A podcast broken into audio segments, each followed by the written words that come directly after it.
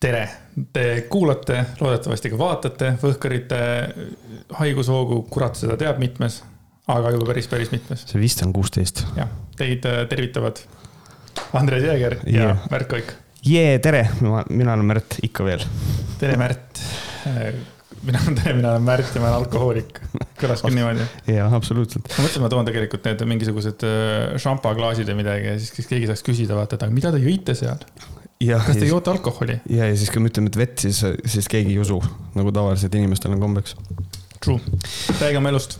mina oma elust, issand, siin ei olegi suurt midagi rääkida, ma olen olnud äh, kodune, teinud natukene tööd äh, siin mõnede äh, organisatsioonidega, aga otseselt nagu hästi-hästi igav on, sellepärast et praegu on nagu hästi hea olla, istuda kodus ja siis kuidagi äh, kodus tööd teha, see on nagu võimalus, et noh, isegi kui on mingisugune kohtumine, siis on, aga teeme Zoomis. et see on kuidagi nagu lihtne sa oled Zoomi lainega kaasa läinud, jah? Eh, vastu tahtmist nagu jaa et, et selles mõttes, et mul oli mingisugune, kui, kui Zoom nüüd eh, siis esimesel sellel eh, eriolukorra ajal, noh, või noh, eriolukorra ajal, mitte esimese, et meil praegu ei ole seda. siis oli hästi palju infot nagu selle kohta, et Zoom ei ole usaldusväärne, et seal on mingisugused, et eriti Maci puhul, mis oli minu jaoks nagu üllatav, et seal on mingid turvariskid, aga tuleb välja, et nüüd vist need on kõrvaldatud, et Zoomi nagu otseselt karta enam nagu vist ei maksa. aga ikkagi selline nagu hais on talle külge jäänud, et seal oli minu arust mingi selline probleem, et on võimalik äh, teise inimese arvutisse lihtsalt läbi Zoomi kuidagi sisse nagu logida, et ühesõnaga. see on palju keerulisem, kui ma tegelikult siin oma layman term'iga seda siin seletan nagu ühesõnaga. et mul on natukene Zoomiga on raskusi, aga ei, pidin konto tegema lõpuks sihukene asi, aga nagu ma aru saan, siis tegelikult on juhtunud veel üks äh, väga suur oluline sündmus Eesti Vabariigis, et äh, läksin äh, saidile kuumadeestimehed.ee ja vaatasin, et sind ei ole enam nimekirjas. et, et noh, mis et äh, leht see on, ma ei käi eriti see on niimoodi, et sinna postitatakse nagu mitteabielumehi, et kas on juhuslikult võimalik, et vahepeal on midagi juhtunud? jaa, sul on täiesti õigus, et mina ei ole enam kuum Eesti mees, vallaline, vaid nüüd ma olen peaaegu keskealine valge, valge mees äh, abielus äh, laulatatud äh, jumala palge ees. ja Cool. selles mõttes, et ma ütleks nagu, et tere tulemast klubisse, aga tegelikult, kui ma nüüd mõtlema hakkan, siis mina käisin lihtsalt naisega registreerimas, et see, näita, milline sõrmus sul on. mul ei olegi sõrmust, ma ei kannagi sõrmust. tegelikult, tegelikult ei ole, jah. okay., naisel ka ei ole see on mingisugune kindel põhimõte või? mm,. Noh, see see on nagu kaheosaline, üks asi on see, et minu jaoks abielu ei ole vaja teistele, see on niisugune asi, seda ei ole vaja teistele kogu aeg näidata, on ju, et noh, eks ole, mis on puhtalt maitse asi. aga teine asi, mis on minu jaoks olulisem, ma nägin kunagi äh, pilti äh,. pluss mu ema rääkis loo kõrvale, kuidas kunagi leidis aset selline asi Vene ajal, et äh, ema võttis tuttavaga vist koos kartuleid või, või, või, või kas ta kuulis seda, aga lugu on selline. Võeti kartuleid Vene ajal, abielusõrmus oli, hüpati autokastist, hüppas naisterahvas maha ja mingisuguse poldi või kruvi taha jäi sõrmus kinni. ja sõrmus jäi poldi külge kinni ja jäigi koos sõrmega nagu kõõlusega, et ühesõnaga ta nagu rebis endale põhimõtteliselt siit selle. ja siis sellest ajast peale ma jälestan sõrmuseid, see on nagu, mul on nagu rõve mõelda, et äkki see jääb kuskile taha kinni, uh. Mm. Ja ei, mul ei ole ka nagu olnud sõrmuseid, et äh, see on mu elus teine sõrmus. ja see on sihuke nagu veidi fancy ja mm. -hmm. ma olen, ma olen nagu väga uhke, väga õnnelik selle üle, et ma nüüd ei taha käia ja öelda, et ma olen nüüd jube tähtis mees, aga jaa, mul on nagu südames on kuidagi rahu ja, ja selles suhtes. äh, mulle on, mulle, mulle nagu on see mm. -hmm. oluline. ja see on, ta on äge. aga sellega tuli mul hoopis teine lugu meelde, et sa ütlesid, kukkus kuskilt alla, allakukkumisega. Minu esimene sihuke nagu üsna võigas vaatepilt oli see, kui me kunagi äh, tegime maal, tegime heina. tehti mm -hmm. lehmade leina. ma olin mingi väike pägadik, mingi äkki viiene või midagi sinnakanti. ja siis samamoodi me sõitsime mingisuguse kaarikuga või millegi, tollel ajal, minu ajal olid kaarikud või mingid asjad. ja midagi seal juhtus ja ma mäletan, et see, ma ei tea, mis see kolme arvuga, vigel või vigla või midagi sinnakanti, niisugune nagu hark, millega visatakse seda heina. mina, mina ütlesin, nimetasin seda heinahargiks kogu aeg. noh, teeme nii, et heinahark nagu. heinahark. jah, ja see kuidagi lendas mul äh, ühe hästi lähedasele sugulasele. noh, siis ta ei olnud vanem naisterahvas, praegu ta on vanem naisterahvas, lendas kõhtu. nagu kinni, et kui midagi seal, midagi seal juhtus ja ma nägin seda nagu pealt. ja selles mõttes kõik nagu lõppes ilusasti. naisterahvas jäi ellu, aga ma mäletan seda, kuidas see, noh siis vanatädi, kuidas ta, kuidas ta sellesse asja suhtus. ta nagu lapse juuresolekul, siis minu juuresolekul, ta nagu naeratas nagu ta nagu noh, ta tekitas sellise tunde, et kõik mm -hmm. on korras yeah.. ja mul on nagu see on nagu meelde jäänud, et, et ma ei kujuta ette, kui ta ei oleks naeratanud või kui ta poleks niimoodi sellesse asjasse suhtunud. äkki sellest oleks mul mingisugused yeah. õudus, õudusunenäod. Mis sellest täpselt sai, ma arvan, kõik sai korda, seepärast et ta elab siiamaani ja, ja, ja siiamaani naeratab okay.. nagu tore inimene sihuke äge lugu. sest ma mäletan, mina käisin ka kunagi heina tegemas äh, oma peretuttavate juures, sellepärast et neil oli töökäsiva ja ma sain palka selle eest. ja see on mu elu kõige närve söövam asi olnud, sellepärast et seal töötasid minust nooremad mingid tiinekad ka. ja nad tegid samal ajal suitsu, kui need heina autosse tõstsid. konkreetselt Tobi oli ees ja tõstis heinapaki niimoodi suitsu hammaste vahel, tõstis enda pea kohale niimoodi, et noh, et see koni läheb sinna pihta wow.. ja viskas autosse põlema ei läinud mitte midagi, siis ma mõtlesingi, et kas see on nüüd see hetk, kus kohe, et kui, kui sa oled nagu nii nahaalne inimene, siis mitte midagi ei juhtu päriselt ka või. ja see oli õudne. ja ma mäletan seda, et äh, ma sain terve pika tööpäeva eest, no mäletan, ma sain sada krooni. ja siis ma mõtlesin, äh, et ma ei, ma ei, mitte kunagi ei tööta enam, sihukest asja ei tee, sellepärast et esiteks see sada krooni on sitaks vähe selle töö eest, mis, mis, mis ma nagu tegin. ja, ja nagu see närvikõdi sealjuures olla, et I might burn to death oli veits siukene, et. aga sa ei olnud ka nii edgy kid, et sa nagu ei öelnud ka, et kuule, noh, kui suitsetas sa?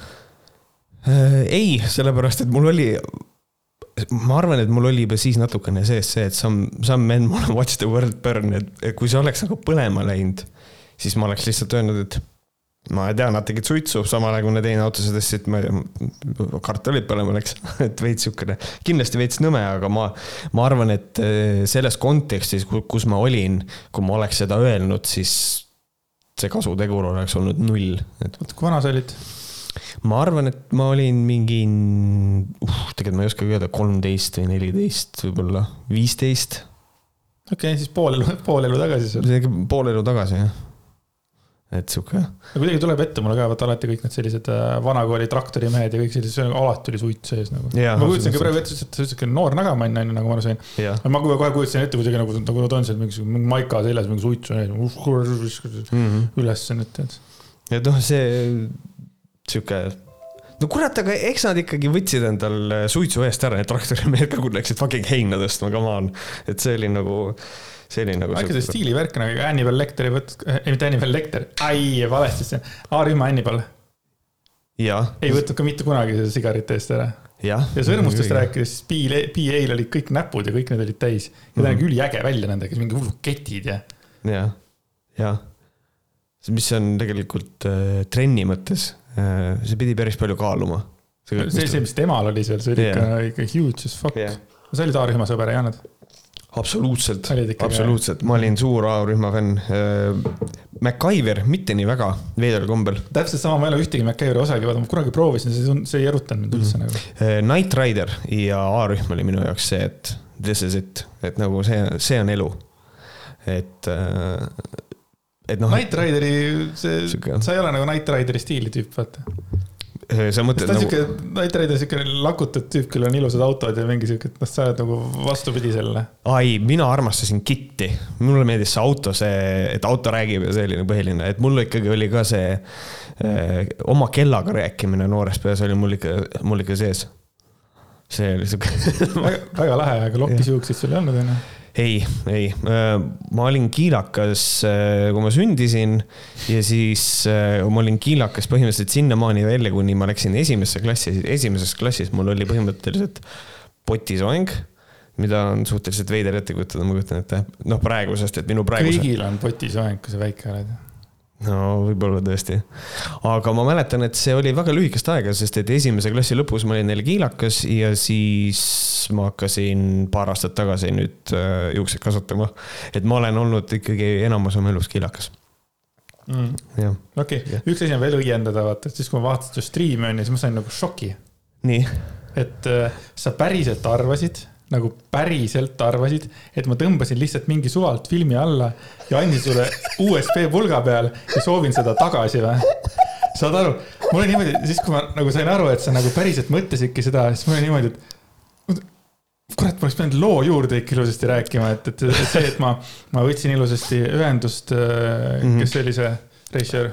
Toomas Harija. Toomas Harijaga võtsin ühendust mm, -hmm. tegin temaga diili ja kõik asjad, unustasin autogrammi küsida, ma hiljem nagu mõtlesin, et ma oleks võinud selle ka peale lasta sinna USB pulgale, et. et see on ikkagi otse tema käest saadud, tema poolt saadetud, et kõik on nagu, et mul on ka Toomas Harja telefoninumber nüüd olemas, nii et äh, saame helistada uh,. et see ikkagi oli nagu kingitus sulle, et sind nagu, et kiirendada selles mõttes äh, noh, seda, seda, mida paljud inimesed ootavad mm. -hmm. ma ei tea, kui hästi see muidugi läbi läks, see kiirendamise protsess, aga.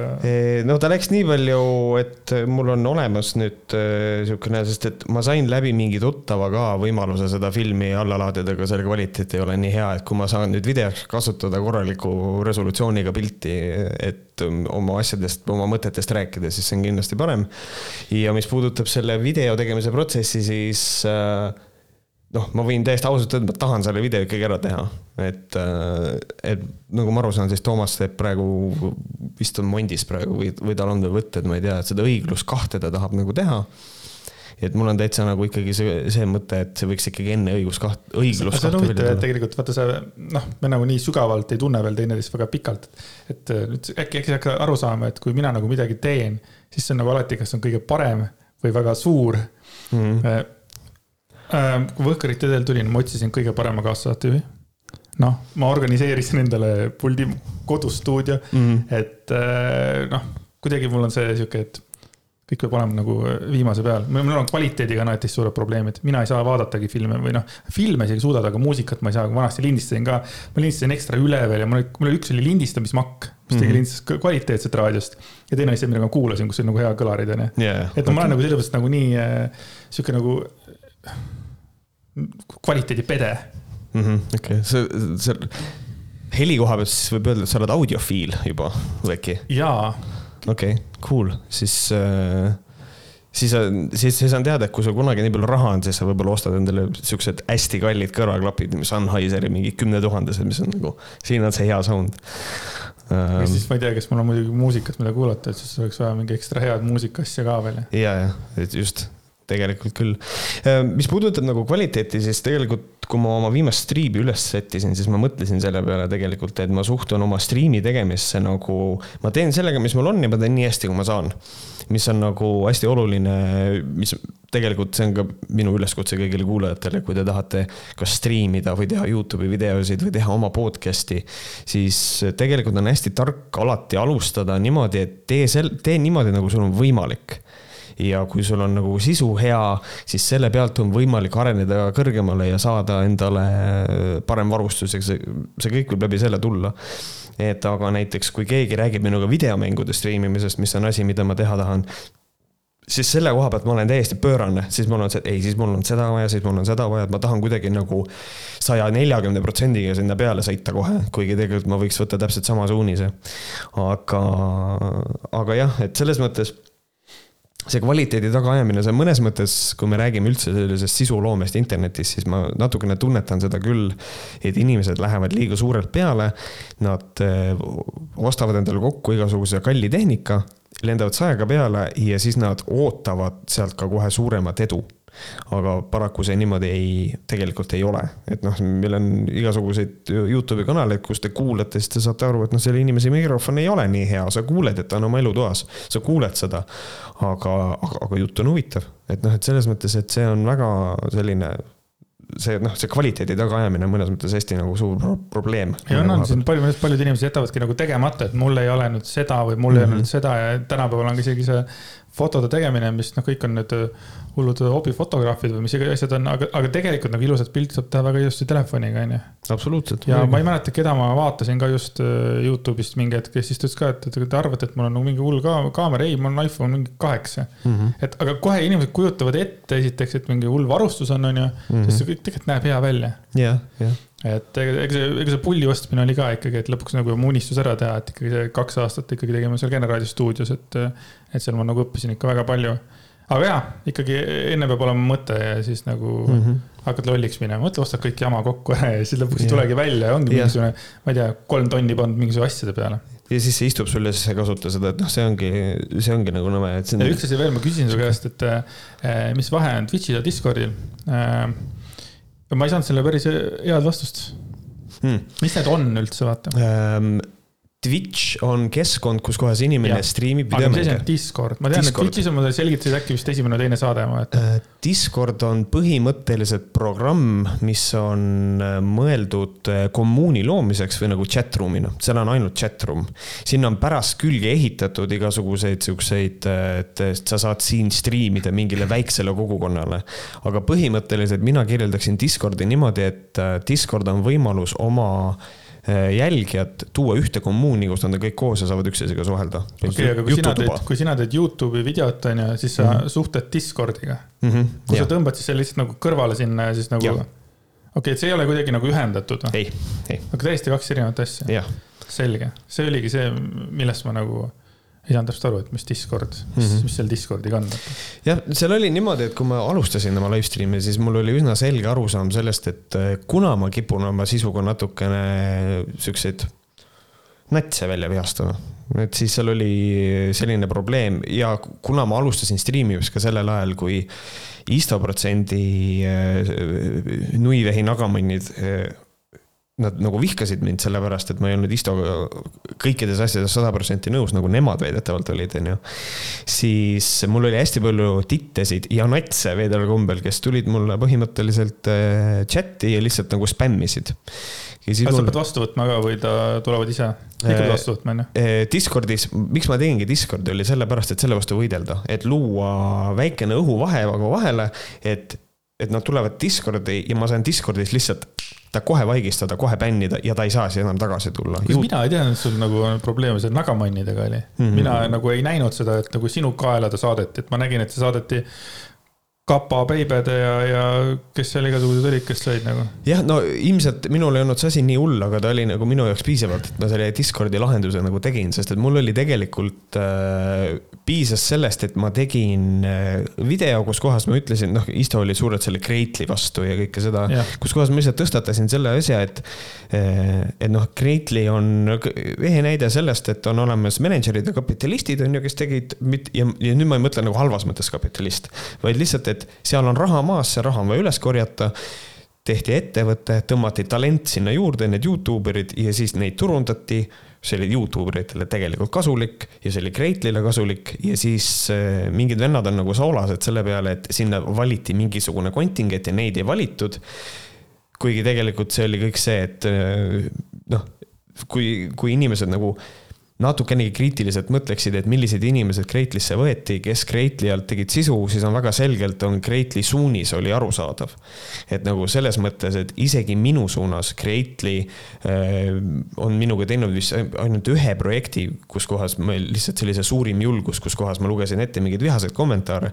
aga isegi mina ei olnud Kreitli materjal, sellepärast et minu sisu oli natukene liiga agressiivne ja liiga selline kaalutlev, et nemad otsisid sellist meelelahutust nagu. aga ma saan aru, miks see närvi ajas, kui seal oligi, et Eesti Youtube erid umbes ja siis oligi põhimõtteliselt see kuus inimest ja see, see võis teha inimestele haiget, kes nagu on ka nagu tööd ja vaeva näinud ja nüüd tulevadki mm -hmm. mingid tattnokad, kes tõmmatakse nagu sinna punti ja antakse, ma ei tea, pappi ka veel selle eest, onju. nagu mhm. võimalus, et ma nagu, saad aru, ma saan inimesena, ma saan aru sellest, mis see võib häirida, vaata, sihuke underdog'i mm -hmm. austaja, aga kui ma näiteks oleksin ise seal sees olnud, on ju, siis ma kindlasti näeksin asja teistmoodi, et mulle anti võimalus. minu sisu on nagu ütleme teistele vastuvõetav noortele jah, noh, selles mõttes ma võin täpselt samamoodi ju öelda ka seda, et Instagramis on page Eesti näitlejad. kus kohas, mida ajab põlve otsas mingisugune inimene, kes lihtsalt äh, paneb näitlejatest pilte ülesse.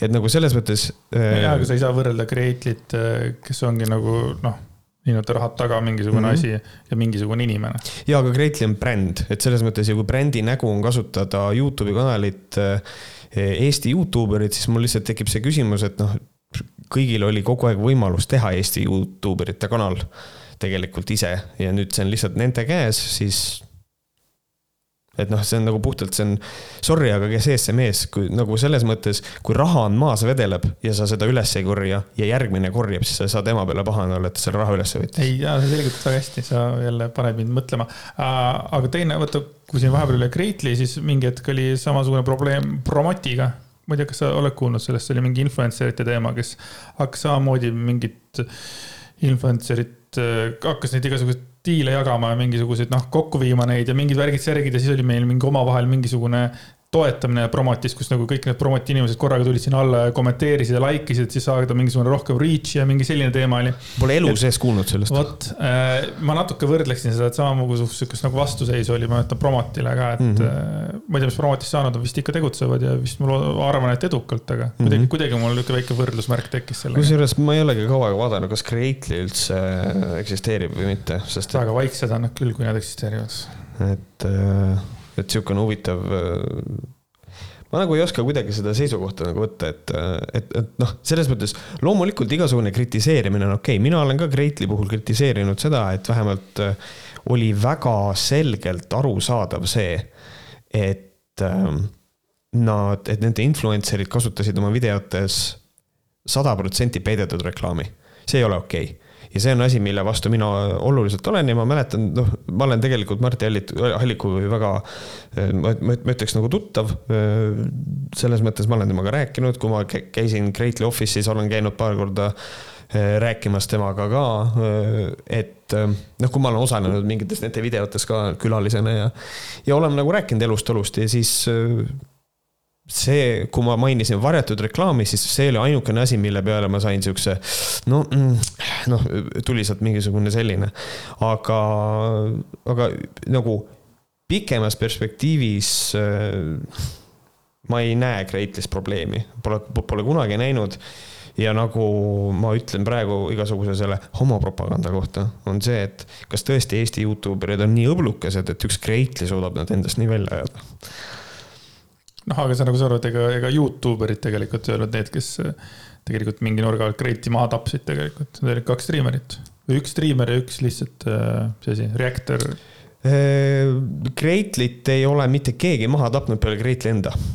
Creately'le ei ole, mina leian seda, et need striimerid suutsid Creately'le tekitada mingisugust ebamugavust, aga nad ei suutnud, mida nad tegid, olid see, et Nad tõstsid need videod, mille vastu nad olid justkui, nad tõstsid selle, seda reach'i, nad tõstsid engagement'i, nad tegid videod tegelikult populaarsemaks. sest et kui sa käid isegi, kui sa lähed kellegi Youtube'i videole, kirjutad, sa oled idioot, siis tegelikult see on Youtube'i silmis engagement, oo näe, me saime kommentaari, lükkame seda videot kõrgemale, sest et inimesed engage ivad sellega et, äh, et põhimõtteliselt äh, nii palju, kui mina tean, siis Greatly puhul oli tegu see, et lihtsalt äh, ühel hetkel see asi ammendas ennast ise, inimesed astusid seal kohtadelt välja. et öelda, ma ei ole kindlasti nõus sellega, et Greatly on mingisuguse välisjõu poolt ära tapetud, kindlasti mitte. okei okay., väga lahe. äkki nüüd siis alustame ka tänase oh, saatega. see on, see on tore, me peaksime tegema mingisugused need äh, võhkrid ekstra episoodid, kus kohas me lihtsalt tuleme kokku ja räägime mingitest asjadest niimoodi. jaa. Äh, aga äh, võib-olla võtaks äh, selle kõige suurema sündmuse üldse maailma ajaloos praegu vist on see, et juhtus siis selline huvitav asi, et kui olid eh, mässud, siis konservatiivid rääkisid seda, et noh, et näete, et liberalistid ei oska käituda, nad on metslased. Nad eh, lõhuvad tänavatel ja on pöörased. ja siis nüüd hiljuti siis eh, Trumpi lojalistid nii-öelda, nemad tungisid siis Kapitooliumi hoonesse, mille käigus sai ka inimesi surma. et et noh, et nüüd, kui vanasti veel sari, mida ma vaatasin, oli Herakles, kus mängis peaosa Kevin Sorbo Kevin Sorb on idioot, kusjuures, et ta on tugev Trumpi toetaja ja tema ka enne seda Kapitooliumi hoone ründamist, enne vist valimistulemusi, siis ta BLM-i eh, protestidel ütles, et, et noh, niimoodi mässavad ainult liberalistid ja nüüd siis Trumpi aga millest sa, järeldad, et need liberalistid on nagu mustad võivad ka olla konservatiivsed ju. ei, ei absoluutselt, aga see oli pigem maailmavaateline rünnak, sest et BLM-i ikkagi seostatakse pigem liberaalse liikumisega. ja et siis äh, selle pealt mõned konservatiivid ütlesid, et noh, niimoodi mässavad ainult liberaalid, et noh, konservatiivid elu sees ei läheks mässama. aga noh, ühesõnaga nüüd me oleme siis käes, kus kohas konservatiivid on ka mässanud, tunginud sisse Kapitooliumi hoonesse. et äh, see oli minu jaoks hästi uskumatu, sest et ma läksin ma millegipärast ise, võib-olla ma olen konservatiiv, tuleb välja, aga mina eeldasin ka seda, et konservatiivid ei julge sihukest asja teha. et ikkagi, et inimesed on mugavuskonservatiivid ja et siis, äh, et kuidas sihukene asi neil õnnestus. aga siis tuli välja ikkagi nagu see, et mida ma enne ei teadnud, et oli Trump ralli oli sealsamas ja siis põhimõtteliselt sealt nagu mõneti anti signaal, et noh, lähme kõnnime sinna Kapitooliumi hoone juurde. otsest nagu üleskutset mässamiseks tõepoolest ma ütlen, et ei olnud, aga noh, nii see, nii, nii see nagu läks ja väga uskumatu oli lugeda seda, et et, et Kapitooliumi hoonesse sisse rünnati. see, noh, et sinna sisse tungiti niimoodi ja mis minus eriti suure küsimuse tekitab, on see, et, et kuidas on võimalik, et Kapitooliumi hoones on selline turva, et sinna saab üldse sisse murda. see on minu arust täiesti absurdne, et noh, et kui meil on äh, eriti võttes arvesse seda, et miks seal ei olnud kaitset koha peal, võttes arvesse, et seal oli nagu Trump ralli, lihtsalt ennetavalt oleks võinud olla mingisugused kaitsejõud või nagu välja nagu pandud ikkagi, et noh, mine tea, äkki läheb asi käest ära. ja tundub, et nad nagu ei äh, võtnud ka tõsiselt seda, kui Trump ütles siin detsembri keskel, et äh, kuuendal jaanuaril läheme ja umbes äh, möllame ja me ei anna alla, eks ole, et. ja siis, kui rahvas hakkaski kogunema, no tõesti, et kui kaua läks aega, ma nagu ma aru sain, mingi kaks pool tundi läks aega, enne kui tegelikult mingi, mingi vägi sinna kohale jõudis, kes nagu seal mm, -hmm. nagu selle asja nagu mm -hmm. äh, noh, paremaks tegi. aga see oli ka huvitav äh, fakt oli see, et, et Rudy Giuliani, see on siis nagu see Donald Trumpi, ma ei tea, parem käsi, advokaat, mis iganes asi ta on, ta kõik talle vist. ma ei kujuta ette, mis asi ta on kõik. Äh, vähe sellest, et ta näeb välja selline mees, et see nahk, mis tal seljas on, on kostüüm, siis ma ei, jah Ruudi on üks, Ruudi on põhimõtteliselt üks juhtivaid see, kes ikkagi ajab seda, et valimispettus oli ja kõike seda. et tema nagu ka ju tegelikult hüüdis mingi aeg tagasi, et kohtumõistmine peab olema sõjakas ja et tegelikult ja. oli eeltöö ära tehtud. aga Ruudi Giuliani juurde tagasi, kuna tulles, kuna sa ei ole ikka veel Borat kahte ära vaadanud, ma arvan mm, -mm. siis äh, seal oli Ruudi Giulianiga üks huvitav seik.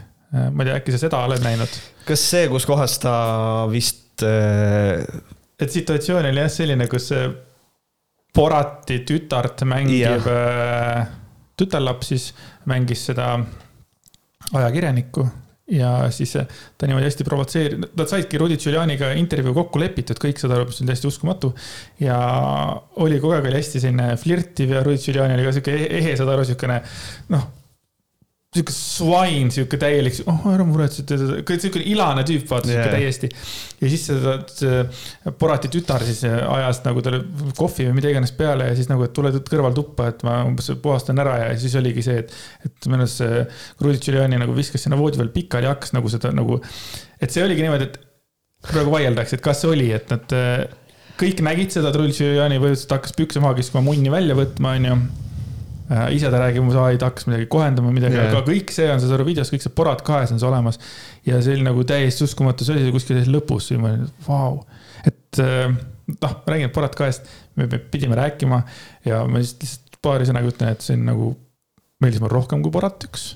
Hmm. ta algas samamoodi nagu Borat üks, aga noh, esimene osa aga, aga siin tekkis mingi hoopis teine kiht sinna sisse, mingisugune siukene isa ja tütre suhtest ja kogu see huumor ja kogu see mingisugune tegelikult need, need probleemid ja, ja lõpuks saime ka teada tegelikult, kust koroona alguse sai, aga sul tuleb ikkagi see film selles mõttes ise ära vaadata, et seal on täpselt räägitud, kuidas koroona alguse sai, nii et see, mind üllatas kõige rohkem, noh, see on küll täiesti kõrvaline asi, eks ole, aga mind üllatas see, et kas tõesti oli esimene Borat mis on neliteist aastat tagasi või? Mhm. kaks tuhat kuus on ju. et, äh, et ma nagu õudusega ja siis kusjuures oligi, kui ma vaatasin treilerit, siis ma vaatasin, mismoodi, et Saša Baron Cohen on ka nagu vanemaks jäänud ja siis vaatad kahte Boratit kõrvuti, mõtled, et Jeesus Kristus, et nagu ma olen nii vana juba, et ma mäletan, kui et noh, mingil hetkel nagu see esimene Borat oli lihtsalt selle shock factor'i jaoks minu arust nagu naljakas mm, -hmm. aga siis äh, nüüd hiljem, no mis, mis on ka väga suur probleem Borat kahe puhul on nagu see, et inimesed ütlevad, et oh, see on nii, see on nüüd nii poliitiline. esimene oli täpselt sama poliitiline, lihtsalt inimesed olid nooremad ja nad ei mõelnud nii poliitiliselt kui praegu. kui te seda praegu vaatate, Borati esimest, siis see on ka väga poliitiline tegelikult. no vot, sealt jäi ka võib-olla meelde just, et nalja, naljakad kohas, kus nad liftis seal kahekesi sealt paljalt jooksid ja mingid mm, -hmm. kogu see asi, et noh, mõnikord mingisugused sketši osad võtavad võib-olla üle selle filmi üld mingisuguse mulje. aga teine osa nagu täiesti üllatas mind, kuna ma ei oodanud sellest filmist mitte midagi. ja kui ta algas ka umbes samamoodi nagu esimene oli nii, et okei okay., noh, eks vaatame ära selle siis, suure tõenäosusega mõttetu, ülikõva oli, tõesti ülikõva film. jah. nii, aga tagasi nüüd. Äh, tagasi Kapitooliumisse, ühesõnaga. et siis äh, nagu ma ütlesin, siis seal hukkus ka inimesi, ühte, ühte naisterahvast tulistati vist kaela siis äh, üks politseinik sai seal surma, vist kokku hukkus vist viis inimest seal. et, äh, et noh, et selles mõttes äh, noh, jällegi hästi nagu, hästi nagu pöörane selline ja mis, mis nagu mind vast kõige rohkem häirib, on nagu see, et praegusel hetkel võetakse nagu see narratiiv, et noh, seda ka Eesti kohalikud parempoolsed teevad seda hästi palju, on see, et nad toovad nüüd võrdluseks siis BLM-i proteste. Ja siis neid riot eid, neid mäss, nagu mässamisi ka et nad tõmbavad neid paralleele hästi valesti, ehk siis põhimõtteliselt, ähm, põhimõte on selles, et tõmmatakse nagu ainult need mässud välja, kus kohas äh, siis see BLM-i protestid muutusid mässudeks, kus kohas lõhuti asju.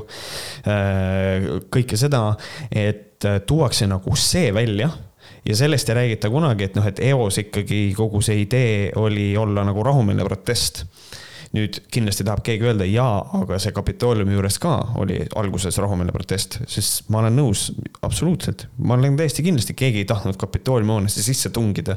inimesed lihtsalt läksid pööraseks nii BLM-i puhul kui ka selle protesti puhul idioodid on need, kes mässama hakkavad ja lõhkuma ja laamendama.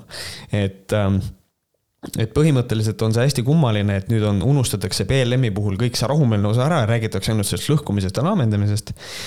ehk siis äh, ma ei tea, minu arust on see nagu hästi-hästi nagu kurb ja veider, aga noh, teisalt, eks siin ongi vaja tunnistada seda, et kõik mässamised hakkavad rahumeelsetest protestidest nagu pihta, et vaja on ainult idioote, kes tahavad asja viia agressiivseks. võib-olla on vaja initsiaatoreid ka, eks ole. et äh, siin oli nüüd väga pikalt ja üritati äh, kuidagi maalida sellist pilti, et Kapitooliumi hoone, et see oli tegelikult, Antifa maksti kinni ja Antifa läks sinna lõhkuma ja laamendama, mis on absurdne väide minu arust sest et täpselt samamoodi võime meie öelda ju seda ka, et noh, aga BLM-i protestide ajal ka võib-olla natsid tõmbasid endale seal kuradi antifa värvid endale peale ja läksid lõhkuma ja laamendama, see on täpselt samasugune väide.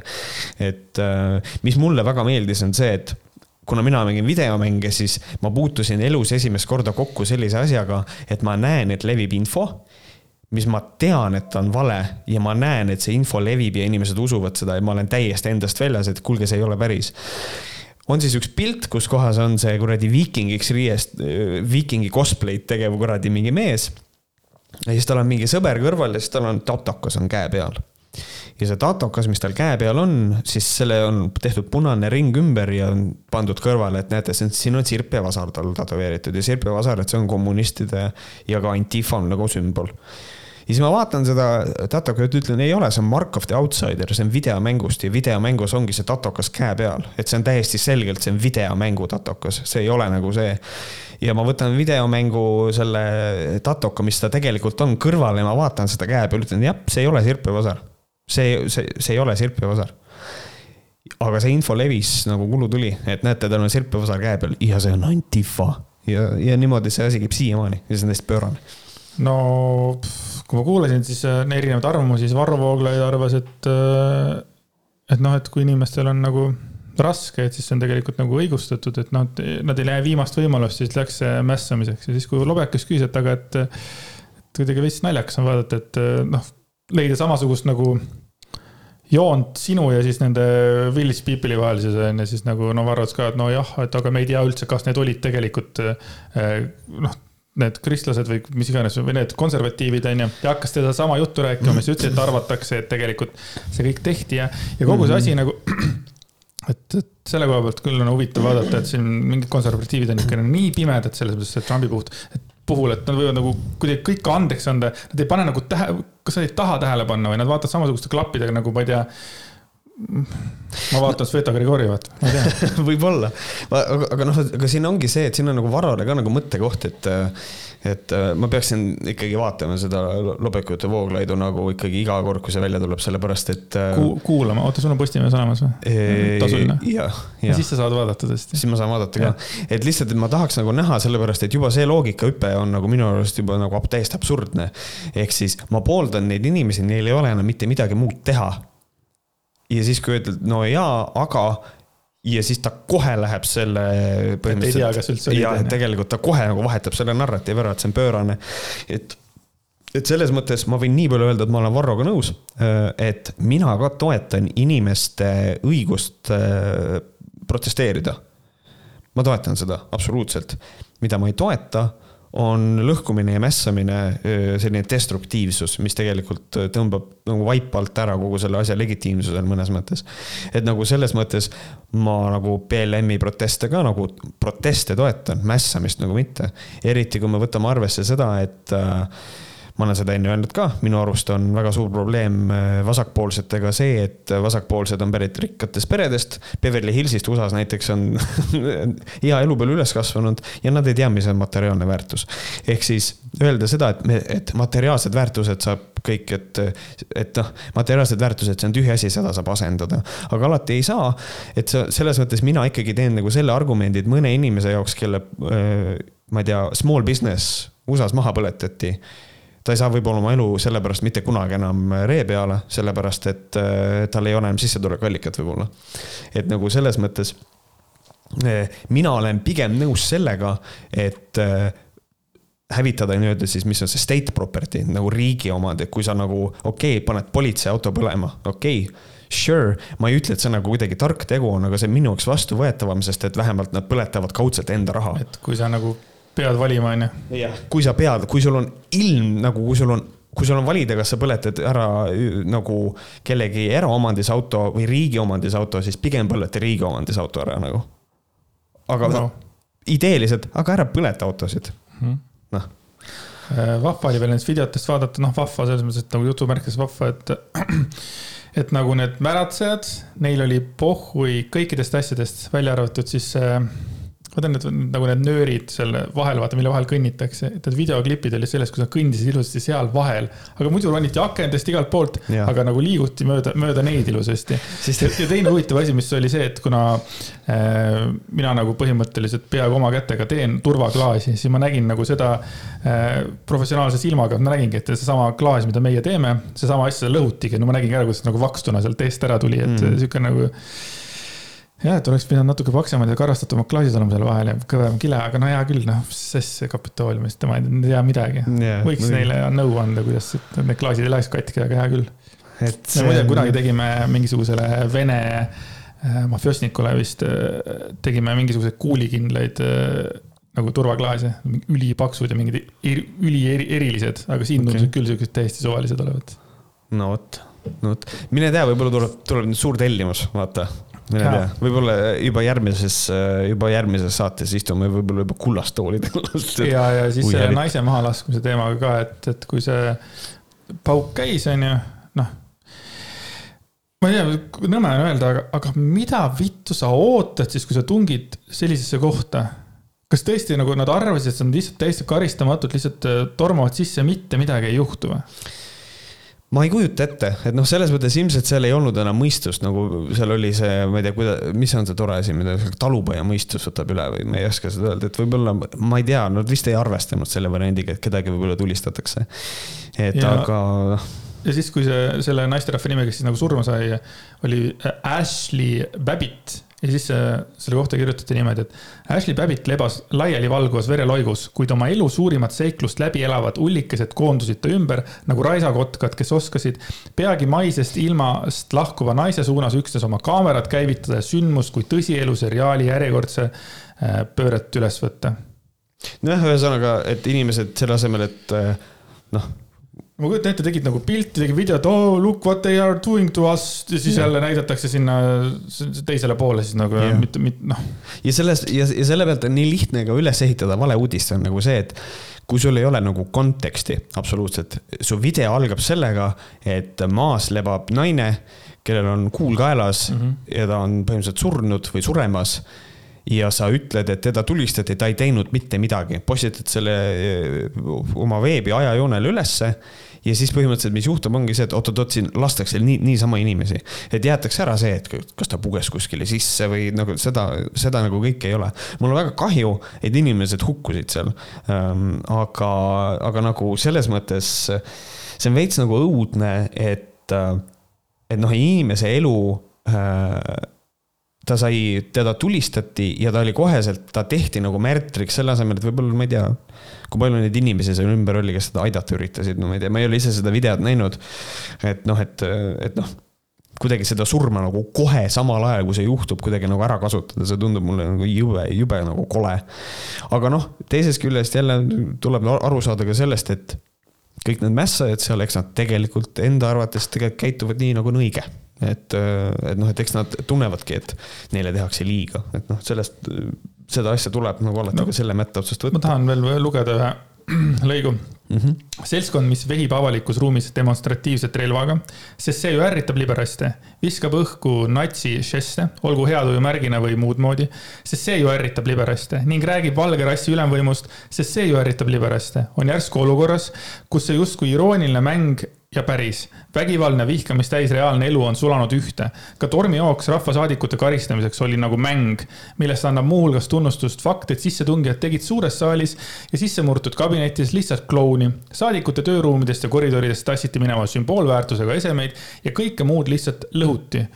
Äh, et see ongi nagu see, kui, kui Varro ütleb, et no inimesed on umbes nii kaugele aetud mm, -hmm. nagu milleni mm. -hmm et siis see on nagu siis see, mida siis äh, mässajad või siis protestijad tahavad või?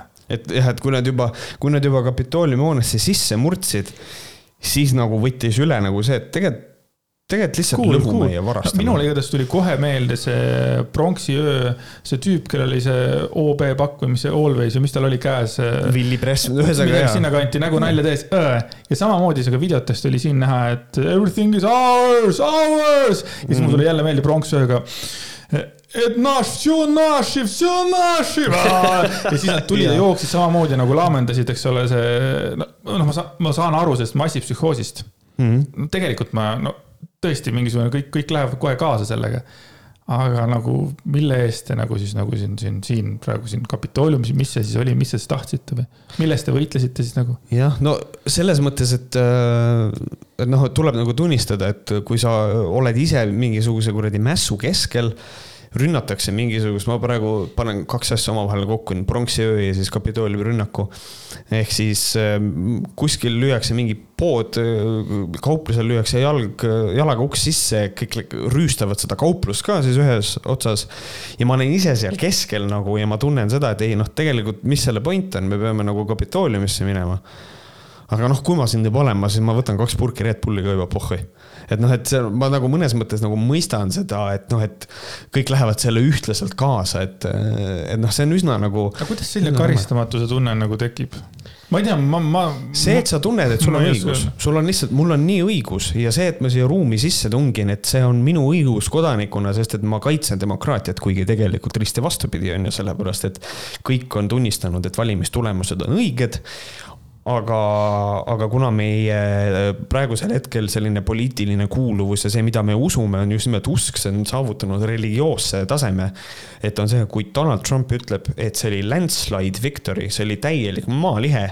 ma võitsin äh, põhimõtteliselt need valimised siis sa usud seda ja punkt. ja see on alus, miks rünnata Kapitooliumi. kusjuures Trumpi kohta oli välja toodud ka nagu huvitavad laused, et ta nagu iga kord, kui ta kuskil midagi kaotab, siis ta on öelnud aastaid, aastakümneid, et see on võltsitud Mm -hmm. et iga kord, kui ta kuskil kaotab, ta võltsitud ja isegi kui ta ei saanud selle oma mingisuguse, tal oli mingisugune seria-, mitte seriaal, vaid mingi tõsieluseriaal, mingi Donald Trump nagu otsis mingit pantlipärijat või mis iganes. The Apprentice. just, et isegi kui ta sellega ei võitnud mingisugust äh, auhinda, siis ta oli vist, ütles või tweetis või mis iganes tollel ajal ja ütles jälle, et see on, kõik on nagu vale ja meil tehti jälle liiga ja mm ta, ta on selle agenda peal või nagu lasknud liugunud nii pikalt ja see on nagu noh mm. -hmm ja seda on keegi ka ei küsi ka, et või keegi ei vaata ka, et kuidas see on nagu. Mhm, ja seda on ju tegelikult ka välja toodud, et äh, see oli, ma ei mäleta, millal ta seda ütles, aga ta oli kõvasti noorem, kui ta ütles seda, et kui ta peaks kunagi presidendiks kandideerima, siis ta äh, oleks vabariiklaste presidendikandidaat, sest et vabariiklased on nii lollid, et, et nad, et ta saaks rääkida täpselt seda õiget juttu, et nad hääletaksid minu poolt. ja siis nüüd exactly what happened.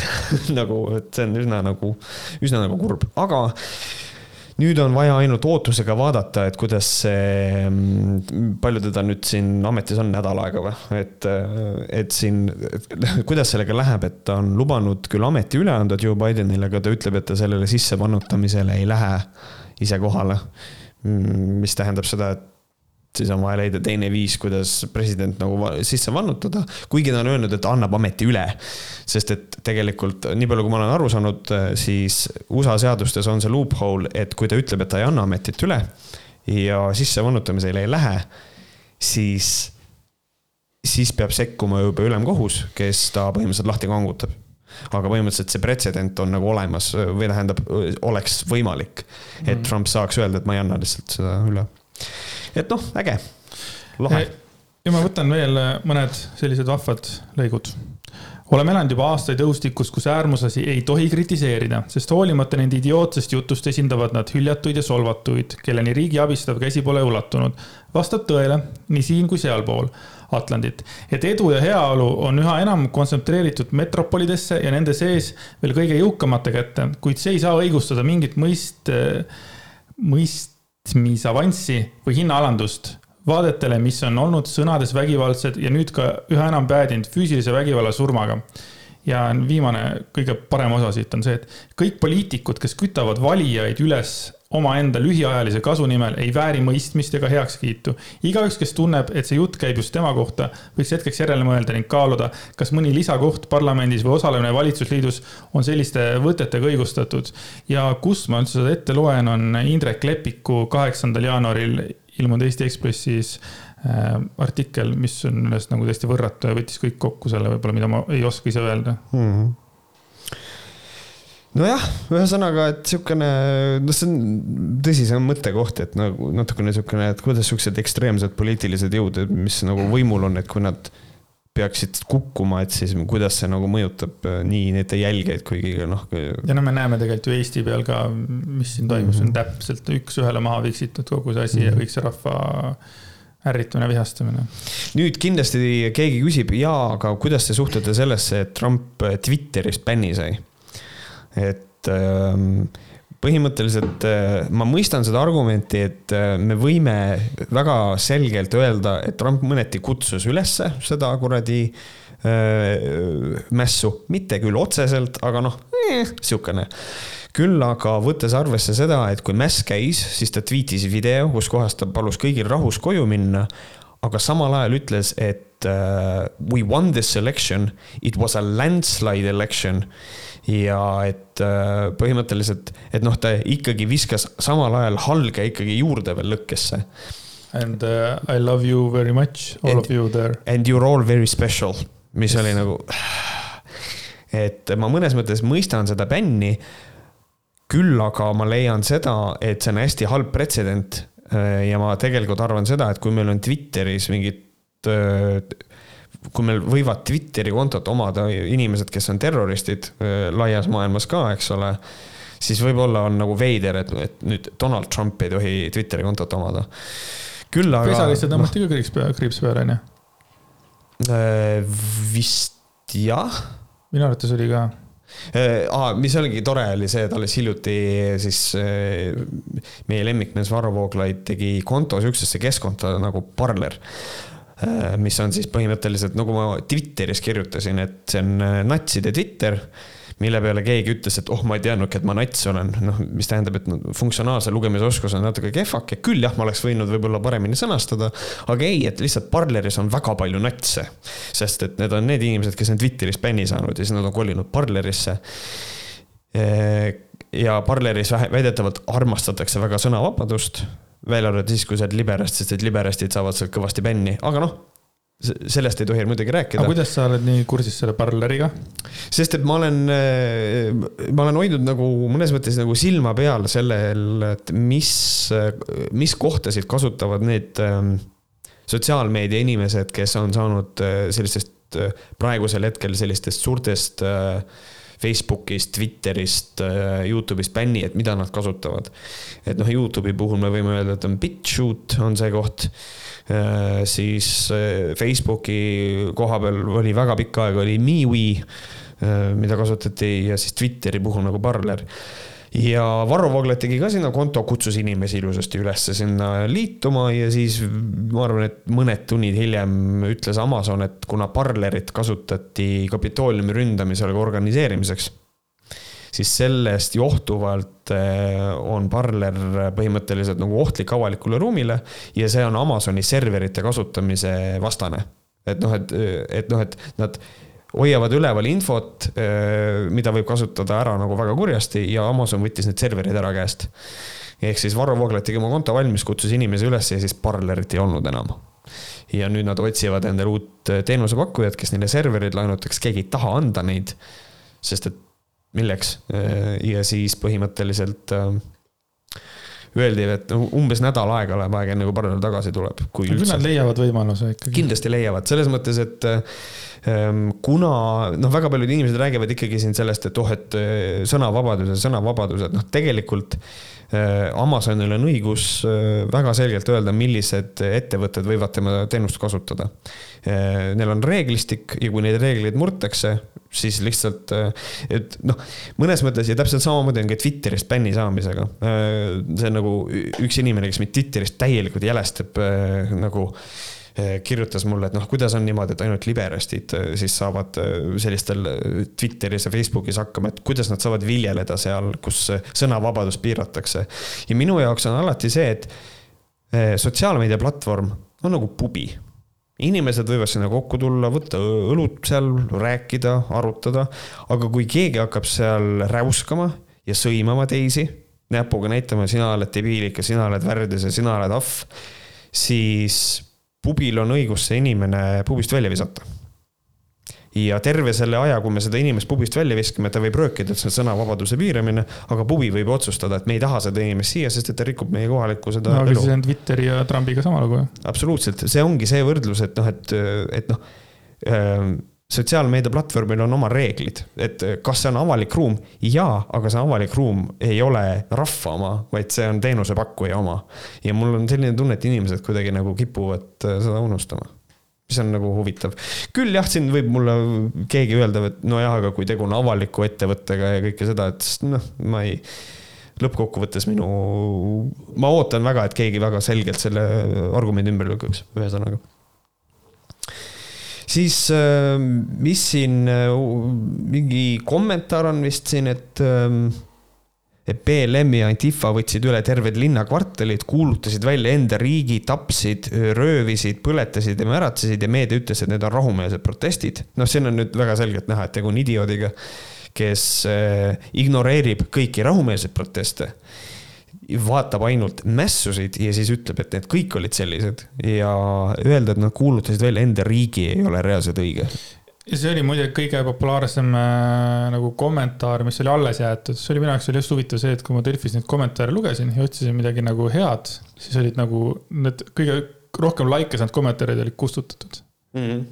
see on äh, ma ei ole väga tihti sellist asja näinud, et vahepeal, aga siin järjest olid, et see oli võib-olla muidu oleks mingi neljas koht olnud alles. ja, ja võib-olla küll. et ma, ma ei kujuta üldse, mis seal siis nagu ülejäänud esimesed kolm. seal vist, ma kardan, et see läks asi väga käest ära selles mõttes, aga, aga jah, et nad ei ole enda riiki välja kuulutanud, see ei vasta küll tõele mm. -hmm. suht karm. aga kuna me juba rääkisime Varrost, siis tegelikult enne seda, kui USA-s läks asi totaalselt käest ära, siis juhtus selline huvitav asi, et, et et äh, Eesti Päevaleht andis üle artikli, äh, mille pealkiri oli, et kuidas ehitatakse uusi SAPTKE ehk siis Sihtasutus Perekonnatraditsioonide Kaitseks ja Objektiive, juhtimine Prantsusmaalt, raha Poolast. ja siis see on nagu artikkel, kus kohas soovitan seda lugeda kus kohas siis võetakse nagu väga selgelt nagu lahatakse natukene läbi see, et kust kohast tuleb Objektiivile raha, kus kohas siuksed mehed nagu Varro Vooglaid nii-öelda välja koolitatakse, see on väga põnev lugemine. Ja otse loomulikult. tegelikult seda varemgi, sa kunagi mainisid siin niimoodi, et noh, sa oled maininud seda Poola teemat. varemgi. jah et ja siis ja kui niisugune artikkel välja tuleb, siis üsna kiirelt pidi Varro Vooglaid, kusjuures ta oli minu arust koroonas sellel ajal, kui ta pidi selle artikli kirjutama, et ta üsna kiiresti seda tegi. ja see on üsna naeruväärne artikkel, mille Varro ise kirjutas, minu, minu silmis vähemalt. nimelt ta tegi vastuse, mõned tähelepanekud seonduvalt Eesti Päevalehe Delfi järjekordse sopalooga ja siis ta on äh, toonud siin mingisuguseid argumente välja ja ma saan aru, et ta nagu haarab mis tahes nagu õlekõrrest, mis võimalik. näiteks esimene on kohe artikli pealkirjas kasutatud väljend Varro Vooglaiu objektiiv eksitab lugejat äh, portaali tööd juhib peatoimetaja Markus Järvi, kelle suhtes mina ei ole mingiski mõttes ülimuslikul positsioonil. ühesõnaga, ta haarab nagu kinni nii väiksest asjast. et noh, selles mõttes äh, kui me võtame selle, et Objektiivi portaalis on äh, üks põhilisi videoproduktsioone on Fookuses, äh, noh, saade Fookuses ja selle saatejuht on Varro Vooglaid, siis kui me ütleme, et Varro Vooglaiu Objektiiv nagu äh, noh de jure ei ole siis õige jah, aga de facto nagu ikkagi on, et nagu selles mõttes, et no see ikkagi on nagu sinu oma, et nii palju võiks vähemalt omaks võtta. ega see ei ole ainuke kord, kus ta nagu seda mainis siin, siin artiklis mm, -hmm. siis oli seal äh, Fookuses saates, nad ilkusid selle üle ja oli nalja ka palju, siis Neljas Võim samamoodi ilkus selle kallal, nii et tegelikult nad võtavad kohe sellest kinni ja need igal pool nagu siis nagu mm -hmm. selle, et kuule, mis sa arvad, palju me oleme nagu objektiivil seda vaadatavust nagu tõstnud ma arvan, et oleme ikka. ma arvan, et natukene oleme, ma jään ootama mingit koostööprojekti. Et, et mingisugune, mingisugune merch line võiks tulla, et kus me oleme neljakesti peal. Lihtsalt särgid. See oleks tore. Ehm, ja siis ma toon ühe mõtte veel välja, mis siin Varro vastuses oli, et noh, Varro, Varro vastus on hästi, otsib ehm, noh, ta ei tegele sisulise poolega peaaegu üldse. mis ta toob välja, on see, et ehm, artikli pealkirjas osutatu nagu lähtuks objektiivi juhtimine Prantsusmaalt, raha Poolast on selgelt vale. mitte mingit juhtimist ei ole mitte kunagi Prantsusmaalt lähtunud, ei formaalselt ega materiaalselt We don't know that tegelikult ja poolakatelt saadud rahaline toetus jääb aastate taha ning oli ka siis Objektiivi eelarves marginaalse tähtsusega. mulle meeldib see, et nüüd ta jälle mängib, et tegu on marginaalse toetusega, samal ajal kui ta räägib riigieelarvest, et läheb viiskümmend tonni Tahi kampaania peale, noh, täpselt sama argument jälle on ju. et, et noh, mis asi siin see marginaalne, et noh, et, et kolmteist tuhat eurot. ja, aga mina leian seda, et Varro Vooglaiul on hästi lihtne viis, kuidas Objektiivi puhtaks pesta ja see on see, et näita meile, kus kohas kogu see toetus toetusraha tuleb. aga nad ju räägivad kogu aeg, et kõik on annetused. ja nad räägivad, kõik on annetused, aga nad ei avalikusta seda infot ja nad ei tee seda sellepärast, et, et seal on inimesi, kes äh, ei taha äh, et nende nimid oleks avalik, sellepärast et äh, need on mõned ettevõtted ja ettevõtte juhid ja nad ei taha, et neid hakatakse nii-öelda risti lööma sellest, et nad objektiivi toetavad mida mina sealt välja loen, on see, et noh, meile tuleb raha läbi erinevate eraisikute, mis ilmselt, ma arvan, tuleb ikka läbi Poola ka, eks ole, läbi mitme kanali, et noh, et võib-olla see raha võib-olla jõuabki siis kui see info oleks avalik, võib-olla sealt on lugeda välja, et ahah, see raha tuleb ikkagi Poolast. aga mis selle rahaga tehakse?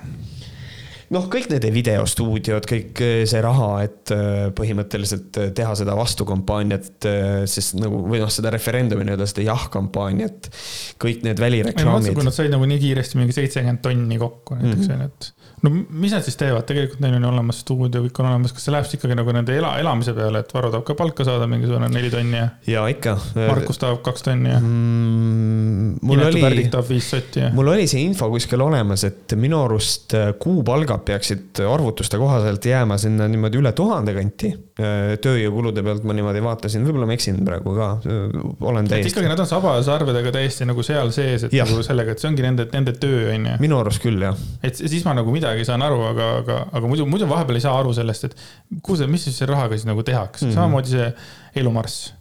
riss-rass elumarss, kuhu see raha läheb mm? -hmm mida nad nagu teevad sellega täpselt, tahaks nagu näha seda lihtsalt, et. no alati on. reklaami ostavad või? OÜ-s võib alati ära märkida, et noh, see on teavitustöö peale läks see raha, et selles mõttes mm.. ja, ja siis loomulikult see, et äh, Saptki objektiivi läbiv nimetamine fundamentaalseks, radikaalseks, äärmuslikuks, ultrakatoliiklikuks näitab ära artikli üldise vaenuliku hoiaku ja eesmärgi kallis objektiivi, Varro Vooglaid. Teie räägite kogu aeg sellest, et äh, et igasuguse, et küll, et on sotsid, on äh, nii-öelda paremäär- või need vasakäärmuslased, et nagu selles mõttes mis tunne on äh, oma nagu seda nagu rohtu nüüd äh, maitsta natukene, et noh, selles mõttes minu arust hästi, hästi-hästi kummaline. aga põhimõtteliselt ega ma sellel teemal rohkem peatuda ei tahagi, et see on, äh, kuna Objektiiv on endiselt tasuta lugemiseks, siis soovitan pilk peale visata, kriitiline pilk selles mõttes, et see on üsna nõrk artikkel, mille Varro Vooglaid kirjutas, et Varro, kui sa kuulad, võta see maha ja tee midagi paremat. sul on võimalus ajaga muuta nojah, lugeja vaatab pealkirja ja teeb oma ei, lugeja ikkagi vaatab, kui ta on nagu, nagu me ennem rääkisime ka, et kui ta nagu juba on nagu positiivselt meelestatud, siis ta loeb ja mõtleb, jah, nii ongi, noh. see, see, see lihtsalt Eks on nii, tee, tee, mis tahad, onju. tuleb, tuleb tööle omanda, eks ta vist nii kipub olema. jaa mm,, ei saa me ilma Aivar Mäeta jah, ei saa, ei saa, Aivar. et meie esimeses saates oli Aivar Mäe külaline, nüüd ta just juba neljas kord, mulle meeldib lugeda neid kordi, kellega me palju oleme nagu koostööd teinud praegu mm. -hmm. et Aivar Mäe kohtuprotsess on ka ilusasti edasi liikunud, kuulatakse tunnistajaid üle mm. -hmm ja noh, põhimõtteliselt need tekstid on samad, mis me lugesime seal äh, Eesti Ekspressi loos, kui ma ei eksi mm. -hmm. aga noh, mõned on siis sihuke huvitavad näiteks, et äh, viimane kord andis siis äh, tunnu-, tunnistusi administratsioonis töötav Eliise, kes nägi pealt, kuidas Mäe tõmbas tema kolleegil Lisannal pluusi kehast eemale naeris seejärel. Eliise kinnitas täna kohtus, et tema on näinud kahte sellist vahejuhtumit. esimene juhtum toimus Mäe kabinetis. Lisanna tuli hilinedes koosolekule, käes paberid, mida ta tahtis Mäele näidata. Nad kohtusid kohe Eliise ette jääva kohvilaua ees, mistõttu Eliise nägi toimunut hästi. Aivar tõmbas korraks Lisannal pluusi kummist Lisanna jäi kohmetult seisma.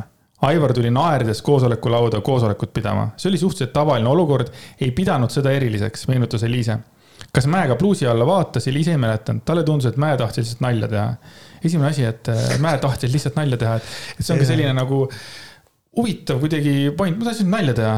ma võtan praegu Märdil, tõmban lihtsalt, panen käe, tõmban lihtsalt püksist sulle, vaata on siis nokku. väga, väga naljakas on, et äh, noh, võiks veel olema, oleks noh. jah, no siin on see, et mees, nagu Eliise seisukohast on see, et, et noh, et talle tundus, et Mäe tahtis nalja teha, et noh, selles mõttes äh, siit ähm, siit ei tule välja Eliise hinnang otseselt, et, et Eliise nagu selles mõttes et võib-olla Aivar Mäe tahtiski nalja teha, aga ta lihtsalt see nali oli hästi kohutav. et, et noh, selles mõttes, et, et noh, et on olemas viise, kuidas väga halba nalja teha mm. -hmm siis politsei esindaja küsis Eliiselt, kas midagi sellist on juhtunud ka temaga. Eliise sõnul juhtus jah, töötasin juhiabina, olin Aivariga vähe, väga lähedane, tööalaselt saime hästi läbi, aga minu jaoks sellised isikliku ruumi katsumised, need ei olnud mugavad, aga ka mitte sellised asjad, mille pärast oleks politseisse läinud põhimõtteliselt ta räägib sellest, et see oligi nagu mingi töö üks osa, et siukene mm -hmm. fun, fun, fun on ju äh,. siis oli see, et äh, kohtunik küsis, kas Eliise tundis end seksuaalselt ahistatuna. pigem tundsin alandatuna, aga ma isegi ei teadnud, et mul oleks olnud võimalus kaebama minna, vastas Eliise äh,.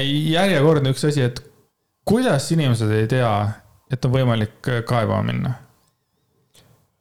sest et sellest ei räägita palju, sest et äh, millegipärast on, kui sa oled seksuaalse ahistamise ohver, siis see on kuidagi jube nagu taunitav äh, või noh, siukene, et ah, mis asja, et uh. ma ei, et äh, mul on nagu hea meel, et see on üha enam nagu inimesed julgevad seda teha, avalikult välja minna. kuid mis nagu minu jaoks on hästi märgiline, on, on, on see, juba tööle minnes hoiatati Eliiset, et mäe käitumine on väga familiaarne mm,. et noh, et noh, et tegelikult nagu, kui sa lähed majja tööle ja sulle öeldakse, et aa, et mäe on, mäe võib näppida sind nagu. siis nagu halloo, see on häirekell, punane lipp nagu. ja mis on nagu eriti nõme, on see, et nagu majas tundub, et see oligi nagu teada ja normaalne. no nad kõik mm. rääkisid ka seda, et äh, Taivar Mäe oli väga rõõmus ja õnnelik ja kallistas kõiki kogu aeg. aga, aga teisest küljest see on ahistajale suurepärane positsioon. teiste kolleegidega räägitud juttudest sai ta nii aru, et see oligi nende töö üks osa saada alandatud ja ahistatud mm, -hmm. Jeesus Kristus. et noh, see on ikka okse, et ähm, et noh, ma ei tea. ja siis oli sihuke huvitav lõpulause oli siin, et seal oli veel paar tunnistajat ja lõppu kirjutati. kõik kolm kirjeldasid seda, kuidas Lisanna tujutses tööl, valis, milliste kolleegidega suhelda ja keda eirata ning seda, kuidas Lisanna oma otsest ülemuste vastu intrigeeris. nüüd keeratakse siis see nagu täie pasaga Lisanna vastu ja öeldakse Lisanna tujutses. see meenutab mulle sihukest nagu Savisaar protsessi, et kuule, tibuke, kuule, tibukene, tule lähme mingi yeah., võtame väikse konjaki, et tujutses tööl ja yeah., ja veel intrigeeris nagu see ei ole praegu probleem ju. kas mitte probleem ei ole selles, et ta mm -hmm. vaatas püksi ja, ja tegi igasuguseid muid asju, see Aivar Mäe, eks ole. miks me keerame seal niipidi? ma ei kujuta ette, mida nagu need advokaadid, kes nagu kohtusaalis istuvad, on nagu see, et eh, me nüüd keerame selle Lisan-, et noh, Lisanna tujutses tööle, eks mm -hmm. ole. nüüd põhimõte on selles, ütleme, et Lisanna tujutses tööle. ütleme, davai, tujutses, valis, kellega suhelda ma ei tea, mina valin igapäevaselt kellega suhelda, aga okei okay,, ütleme, et ta oli ebameeldiv inimene see ei õigusta seksuaalset ahistamist mitte ühelgi mm -hmm. hetkel. teine asi on see, lihtsalt mina kui täiesti kõrvaltvaataja, äh, tugitooli jurist. mis otsast on nagu loogiline, et me hakkame nüüd nagu Lisan-, noh, et Lisanna tujutses ja kõik, aga enne seda sa oled tunnistuses öelnud korduvalt, et Aivar Mäe oli erakordselt familiaarne ja näppis kõik, et kõigepealt sa teed nagu ülihea case'i, kus kohas sa lood ära, et jaa, Aivar Mäe tegelikult oligi väga familiaarne. aga, aga teate, Lisanna temaga tujutses, kuule lõpeta ära, et selles mõttes sa nagu, sa nagu kõige paremal juhul sa lased laeva kõikide inimestega põhja praegu. et nagu see laev on põhjas niikuinii, roni paadist välja nagu, väga-väga nagu veider, kummaline. aga noh, otse loomulikult nüüd me jõuame ühe teise arvamuseni ka et kus kohas Estonia baleriin äh, ütleb, et äh, ta võib tervitades kallistada, õhku tõsta, keerutada, minu jaoks pole see ahistav. mis on nagu hästi kummaline, et nagu selles mõttes. Äh, see on hästi nüüd selline karm mõttekoht, aga see, kui ahistatuna keegi ennast tunneb see sõltub ka väga palju sellest inimesest ja millises kontekstis ta on üles kasvanud. kui me võtame inimese, kes on üles kasvanud väga, ma ei tea, tugevas sellises äh, kristlikus, äh, ma võib-olla olen praegu meelevaldne, kes on lihtsalt öeldakse, et sinu keha on püha ja keegi ei tohi seda rüvetada ja et kõik nagu enda katsumine on ka juba nagu mm, veits on nagu veits, veits nagu halb. pluss siis inimene, kes on üles kasvanud hästi vastupidises, sihukeses hästi-hästi vabas mm. -hmm. siis fakt on selles, et nende inimeste lähed tööle ja keegi, ma ei tea, katsub lihtsalt su rindu. see on seksuaalne ahistamine mõlemal juhul. Aga need kaks inimest suhtuvad sellesse väga erinevalt. üks neist on nagu see, et noh, ma ei tea, katsus mu rindu, üliveider oli, aga samas mulle tegelikult see nii väga korda ei lähe, pohhui, onju. Mhm. kui ta seda veel teeb, siis ilmselt. aga teine võib-olla katsutakse rindu ja ta on täiesti endast väljas, see, kuidas üldse niimoodi võib. et noh, et siin ongi, siin tuleb nagu alati arvestada sellega, et inimestel on valulevi täiesti erinev. ja Kaivar Mäe ju ongi selline mm. -hmm. Come on, ta ongi selline. mis, mis ta ikka, ta ei tee midagi siin oli veel kirjas see ka, et Estonia teatri füsioterapeut Sirli rääkis täna kohtus, et kui Mäe tahtis tema vastuvõtule tulla, pani ta aja kinni. ta ütles, et Mäe on ka tema laua peal olnud, ka Mäe on ka tema laua peal olnud inimesi kallistanud. kuidas täpselt aga see juhtus, seda ei osanud ta meenutada. mida teine inimene Mäe kallistusest arvas, ta arvata ei osanud see, see ongi see ju, sellest me räägimegi, et äkki siis kõigepealt, ma ei tea küsid. Tere, kas ma võin sind kallistada, kui sa oled seal alasti laua peal? ja ikka võid. okei okay,, cool. noh, ongi Kon. konsensus. ma ei tea, see on nii, mis ongi nagu nii veider. kas ma võin sind kallistada? jah, mulle nagu, see on, jääb minu jaoks arusaamatuks, kogu see kuradi asi mm. -hmm. et, et noh, et mm, Aivar on emotsionaalne inimene, kui tal on midagi öelda, siis ta ütleb, kallistus või õlalepatsutus käib sinna juurde. aga nüüd on nagu väga ilusasti valitud välja, et on val-, et on kallistus või õlalepatsutus, kuigi ta on vaadanud bluusi sisse, on tõmmanud kedagi mingiks kuradi rinnahoidja kummist või kleidikummist. peale hüpanud, kui kedagi masseeritakse, noh. et noh, see on, kõik on niisugune natukene kahtlane, et. aga kogu see Aivar Mäe situatsioon, ma juba ütlesin varem ka, see on pannud mind ennast nii palju nagu ümber mõtlema mingisuguseid asju, näiteks just seesama asi, et ma olen kallistaja tüüp, mina kallistan, no kallistan inimesi mm. -hmm. ja ma, ja ma tean ka tegelikult, ütleme sõpru, no, no meessoost mehed, kelle jaoks on nagu selline noh, kallistamine on siuke no nii out, vaata, kui, kui saab mm -hmm. olla. ja siis mõnikord nagu täitsa teadlikult, et noh, naljaga, et aa, kallistad. ja siis paar korda said selle nalja ära ja siis ma hakkasin mõtlema, jaa, aga tegelikult samas ma ju ahi-, ma olen ahistanud neid sellega, sest nemad sinna ei soovinud seda, et mina sinna mm -hmm. tsooni tükiksin, eks ole, kas ma teen nalja või mitte, onju. nii et noh, ma leidsin nagu natuke sellest ära ja nüüd ma nagu ise hakkasin ka mõtlema. ma lihtsalt ei saa aru sellest, miks Aivar Mäe lihtsalt ei või öelda lihtsalt vabandada, et, et vabandust, ma ei mõelnud, noh, ma ei teadnud, et see on probleem ma väga vabandan, ma parandan ennast, ma nagu ei mõelnud kordagi, et see on probleem, et ma, et ma kallistan, et ma nagu noh, mingid sellised asjad minu arvates kas see case võiks olla lõppenud või ei või, või sa tunnistaks ennast automaatselt süüdi või? mida sa, millega sa võitled nagu praegu? ma ei tea, noh, mõnes mõttes ma tean seda, et on inimesi, kes sellega ei lepiks, aga see oleks vähemalt äh, žestina nagu väga okei okay., et selles mõttes ja, et tõsi, ja äh, olen väga familiaarne, olin oma töötajatega väga familiaarne äh, kuidagi mm, jah, et, et, et vabandan, et ma ei tea, arvasin endast liiga palju või ma ei oska seda nagu sõnadesse panna. aga jah, see, see oleks minu arust suur, suur töö selle asja nagu leevendamiseks küll. see ei võta küll ära, kui inimene tunneb, et teda on reaalselt seksuaalselt ahistatud, see ei, see ei tee seda oluliselt paremaks aga see oleks vähemalt mingisugunegi märk nagu Aivar Mäe poolt, et, et noh, et kahetseb. noh, mingisugust kahetsust tahaks ikkagi inimeses nagu näha. see on jah, niisugune, niisugune huvitav asi. jah, ikka ootame aga edasi Aivar Mäest uudiseid ja, ja mis edasi saab. jah, et äh, äkki see asi kuidagi nagu, kuidagi nagu laheneb, kuigi noh, Aivar Mäel vist töökoht on olemas, et on lihtsalt otseselt. see on puhver muidugi see.... rahaprobleeme selles mõttes ei ole ju et, et, et, et, et sellega on hästi. aga nüüd siis võib-olla võtame selle Eesti kõige tähtsama teema, milleks kusjuures ei ole koroonaviirus mm.. nüüd ikkagi on see abielureferendumi asi et, et see on kuidagi saavutanud nii veidra taseme, et ähm, küsin, küsin nüüd, Andres, sinu käest otse sellise küsimuse kui palju sa oled kokku puutunud nende muudatusettepanekutega, mille esitas opositsioon? No nii palju, kui mulle tegelikult koalitsioon on näidanud. nii palju, kui neid, koalitsioon on näidanud. Neid äh, inetumaid. mis sa arvad sellest? ma arvan, et äh,, ma arvan, et nad on mõlemad debiilikud. nii opositsioon äh, kui koalitsioon ja opositsioon ka, kui alguses öeldi, et oo, me tuleme üheksa tuhande muudatusettepanekuga umbes a la siis äh, mis muudatusettepanek, ma nagu kujutasin ette, et muudatusettepanek tähendab seda, et nagu selle teema ümber olev mingisugused teemad, et no mis iganes, ma mm -hmm. kuidagi ei mõelnud. ja siis, kui ma loe, loengi neid muudatusettepanekuid, kus nagu Valdo Randpere teeb nalja. oo, kuule, kas Eesti peaks olema Venemaa osa?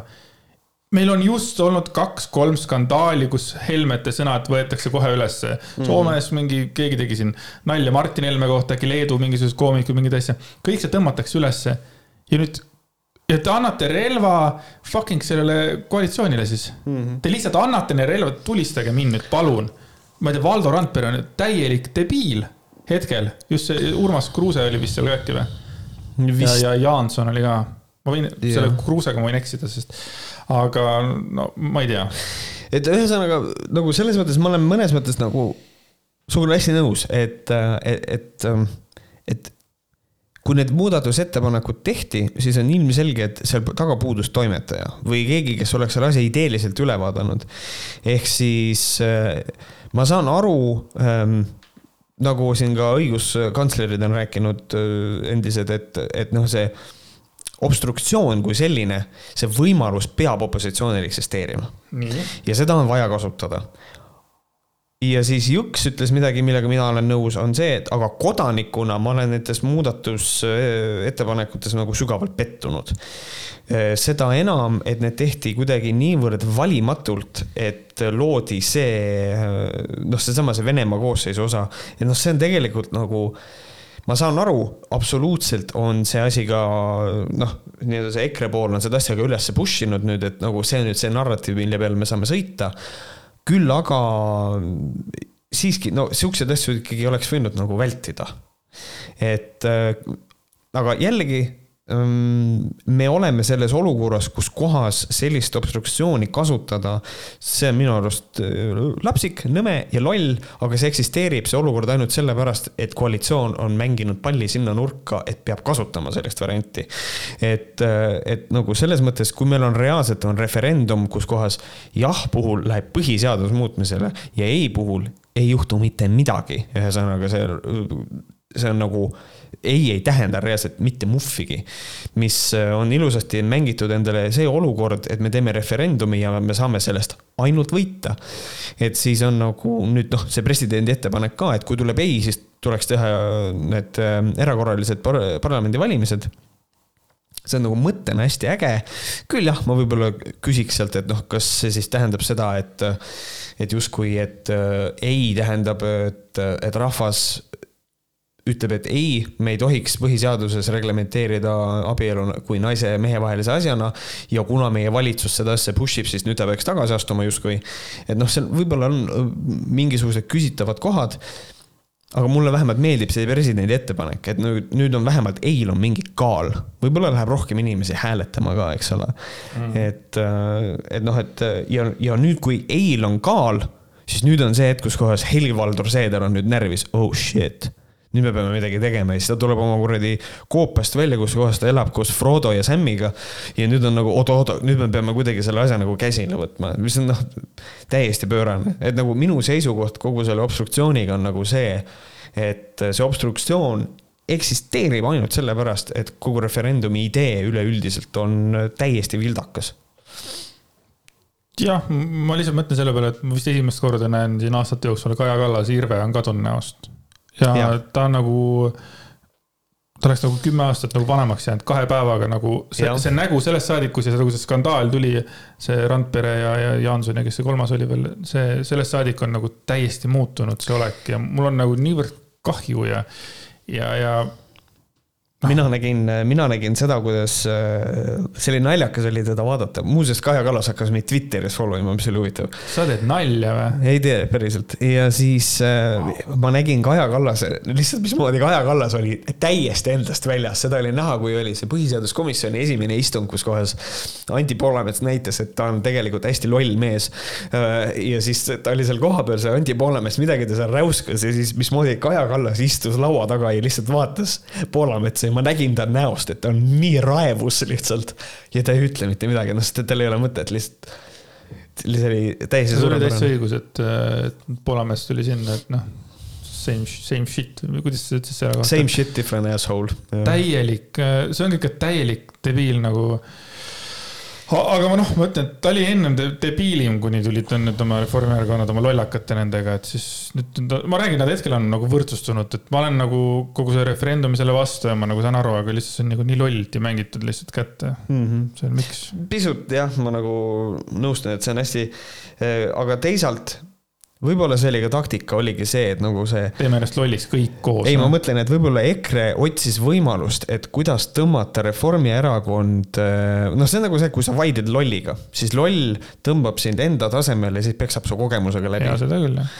et võib-olla seal oli nagu see variant, et kui nad nüüd tulevad, äh, nad peavad leidma mingisuguse lahenduse, ilmselt nad äh, saavad mingi obstruktsiooni asja, teevad muudatusettepanekuid, siis me saame need sellega nüüd nad läbi klohmida. et ja muuseas, Anti Poola Poolamets on see, ma olen suht eh, confident ühes asjas. Anti Poolamets on äh, ma jõuan sellega ka nüüd selle negatiivse pooleni. aga vot Anti Poolamets, see, mismoodi ta räägib, mismoodi ta siis äh,, mul ei tule nüüd, kes oli aseesimees sotsiaaldemokraatidest, mul ei tule see nimi nüüd meelde. tal oli punane lips ja siis ta põhimõtteliselt, Anti Poolamets ütles, et sa oled ise varsti sama punane kui see lips. Eh, lugupeetud härra sotsialist, no ta ei ole sotsialist, ta on sotsiaaldemokraat. sa tegid muidu päris hästi järgi eh,. see on tema see kuidagi stiil ja, ja, ja täiega. ja ta on, noh, ta on sihuke, et, et noh, et tegu ei ole sotsialistiga, vaid sotsiaaldemokraadiga, there is a big difference. Eh, ja et põhimõtteliselt ma olen hästi confident selles, et kui ma peaksin pidama mingisugust debatti Anti Poolametsaga, siis ma pühin temaga põrandat sest et see mees ei ole suuteline adekvaatseid äh, argumente ütlema, ta lihtsalt viskab ad homineme kogu aeg, et noh, põhimõtteliselt ongi, sa oled sotsialist tuus, jaa, aga lükka mu argument ümber. ma võin kommunist ka olla, aga lükka mu argument ümber, palun. et, ähm, et ma võib-olla eksin, aga kuhu ma nüüd jõuan, on see, et ähm, ma olen täiesti veendunud ka samaaegselt selles, et Anti Poolametsaga igasuguse nagu vaidlemine mingil teemal on see, et sa mängid tuviga malet. Et ta peksab sul laua laiali, situb laua peale ja on täiesti veendunud, et ta võitis. ja kõige hullem on see, et tema kõik need kuradi kaaslased ümberringi on ka tuvid ja nemad ka lihtsalt teevad hulu-hulu ja nagu, või vabandust, tuvid. ja nad äh, põhimõtteliselt on täiesti veendunud, jah, et ei, äh, Poolamets pani koigi paika, kuigi noh, tegelikult mitte ühtegi sisulist argumenti ei ole. siis ma leian, et Poolamets on täiesti nagu, ta on rumal inimene, päriselt. kui ETV, kui keegi vaatab ETV-st meid, kurat see teab, siis äh, Anti Poolamets äh,, Märt Koik ja Varro Vooglaid võiks väidelda omavahel ja siis peaks keegi ei, veel tulema. jah, keegi, keegi siis nagu eh, liberaalne veel, eks ole. okei okay,, teeme siis niimoodi, et kas Märt Koik ja Varro Vooglaid, ei, Märt Koik ja Anti Poolamets kõigepealt. kaks lolli, see on parem. ja see, kes finaali võidab, see eh, väitleb siis eh, Varro Vooglaiduga. vai Vooglaiuga, vai Laidu Laiduga. Laidi, Laidik. Varroga. Varts. Vartšik et see oleks ka muidugi vahva aga jaa, Helis- e, e, Helir-Valdor Seeder, ükskõik, mis, mida ta kuskil jälle paistab pilt tuleb ja siis jälle loed ja mõtled, no mida Helir-Valdor siis ütles. jah, no see, eh, anna konteksti ka, et see on siis Kar-, eh, Kersti Kaljulaidi kompromiss, et kui eh, referendumi vastus on ei, siis, siis on erakorralised valimised ja Helir-Valdor ütles nõnda. kõigepealt Isamaa juht Helir-Valdor Seeder presidendi ettepanekut ei mõista. muidugi, noh, sest et ta ei saa aru sellest, aga. See on väga kummaline initsiatiiv Seeder selgitas, et Riigikogul pole kuidagi mõistlik panna rahvahääletusele seaduseelnõu, kui juba kehtiv perekonnaseadus määrab abielu vaid mehe ja naise vaheliseks. miks me seda referendumit teeme, kui tegelikult perekonnaseadus määrab praegu ka abielu vaid mehe ja naise vaheliseks või ei või? Exactly, seal ongi, seal ongi see et, probleem kuidas see lause tuli, Seeder? ta kasutab nüüd, ta kasutab. mida sa räägid? ta kasutab seda nüüd ise kuidagi enda kaitseks, et see on hästi, et see on hästi kummaline, noh nüüd ta, kuhu ta jõuab, et, et noh, siis see referendum ongi nii-öelda siis selle nagu kompromiss, kuhu ta tahab jõuda et noh, et, ähm, et noh, ta esitab selle küsimuse, mis see juurde annaks, aga tema jaoks ongi abielureferendum see kompromiss siis nii-öelda sellele kooseluseadusele, mis väidetavalt välja suruti, et nüüd me küsime siis rahva käest. et see ongi nagu, see on hästi nagu, ma kujutan ette, et kui nad olid saunas ja mõtlesid välja, et davai, kuidas me nüüd pullime selle kuradi enda perssesse selle teeme punkti välja. tead nagu. mis või? ma ütlen välja midagi, mida ma tegelikult usun ja kahetsen hiljem. kui sina lähed väitleda Anti Poolametsaga, siis mina tahaks väidelda Helir-Valdor Seederiga. ma ei ole suurem asi väitleja, aga selle vennaga ma pühiks põrandat tegelikult ka.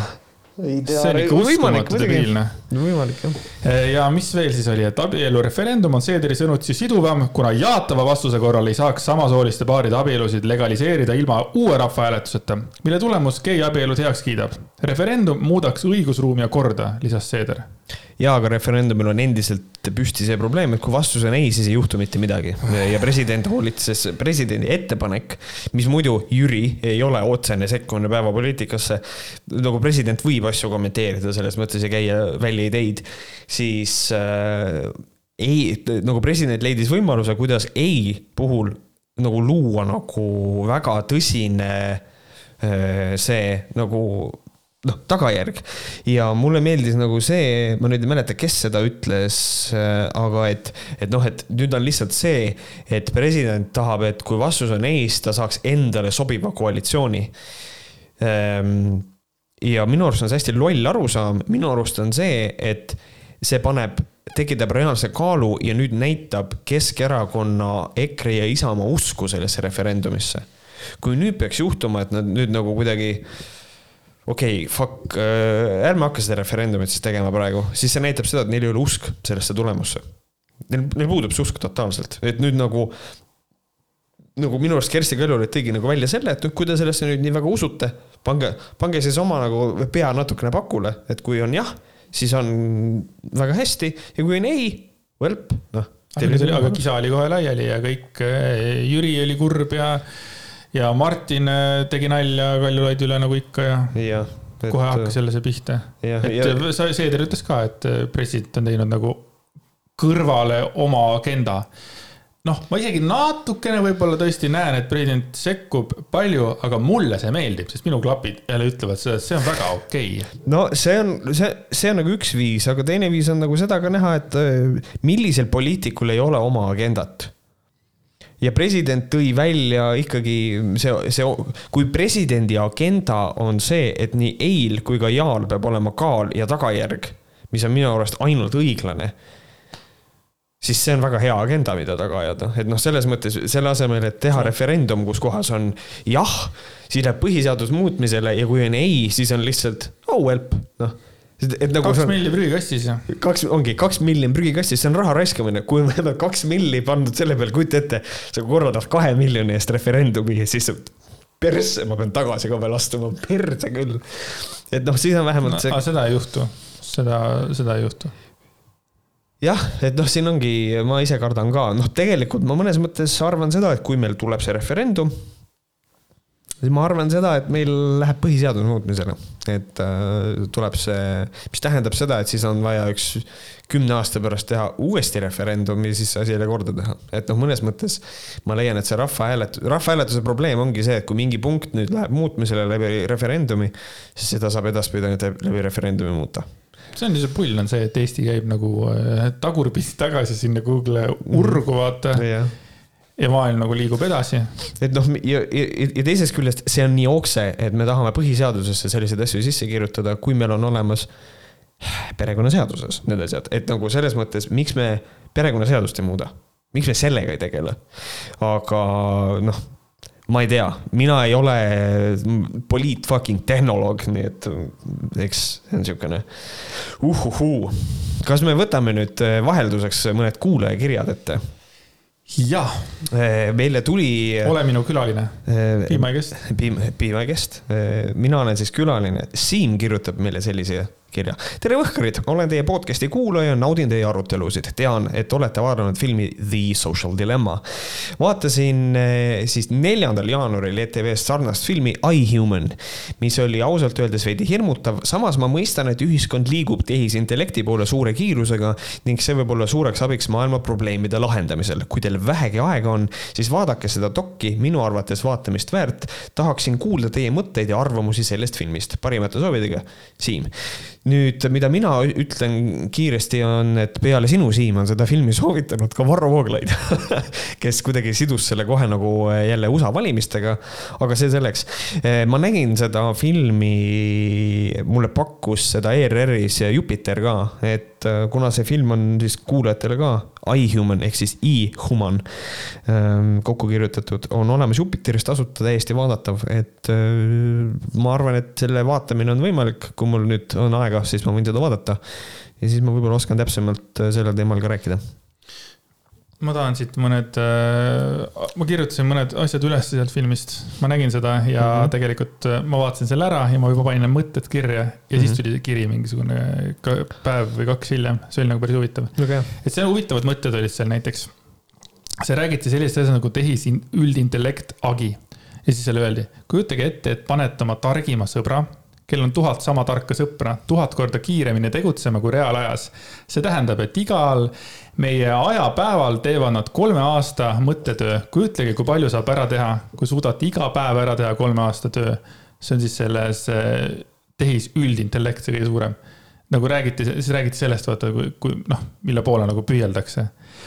siis äh, järgmine huvitav mõte, mis selle, et masinintelligents on juba ammu meie ümber. töid, mida inimene suudab paremini teha, kui masin lüheneb kiiresti. isejuhtivad autod on vahvad ja kahandavad arvatavasti avariisid. aga USA-s kaob sellega kümme miljonit töökohta. mida need inimesed tegema hakkavad? sellised, need on siuksed nagu küsimused nagu. siis um, mõtled, et fuck True. ja noh, see on automatiseerimise koha pealt mm -hmm. on kogu aeg olnud äh, see küsimus, äh, aga me ei tohi ära unustada seda, et et äh, maailmast on ajaloo jooksul kadunud ära väga palju töid. Ja inimesed äh, on pidanud leidma endale uue töökoha või siis nii-öelda, et noh, nad on nii-öelda vette visatud ujupinnale või, või uppu ära, see on hästi karm, aga see on mõnes mõttes reaalsus, et äh, tõsi, kui meil autod on, on isejuhtivad, mis kusjuures tegelikult, see on üks väga oluline punkt. meil ei ole olemas isejuhtivaid autosid tegelikult otseselt, et ähm, meil on ai, mis suudab äh, võib-olla nagu enam-vähem okeilt niimoodi, et äh, ta sõidab tee peal, aga päris isejuhtivate autode peale me ei saa veel minna, need algoritmid ei ole õiged. Äh, sellega on, selle, sellega on probleeme siiamaani, et noh, tegelikult see asi ei ole meil ei ole isejuhtivat autot, meil on autod, millel on autopiloot. isejuhtimine ja autopiloot on kaks väga erinevat asja lennukil on olnud juba ammu, ammu, ammu niisugune asi nagu autopiloot ja autopiloot ei tähenda, et lennuk lendab ise, nagu ta ei maandu ise. et meil otseselt, eh, meil ei ole veel seda, me oleme sellest veel üsna kaugel.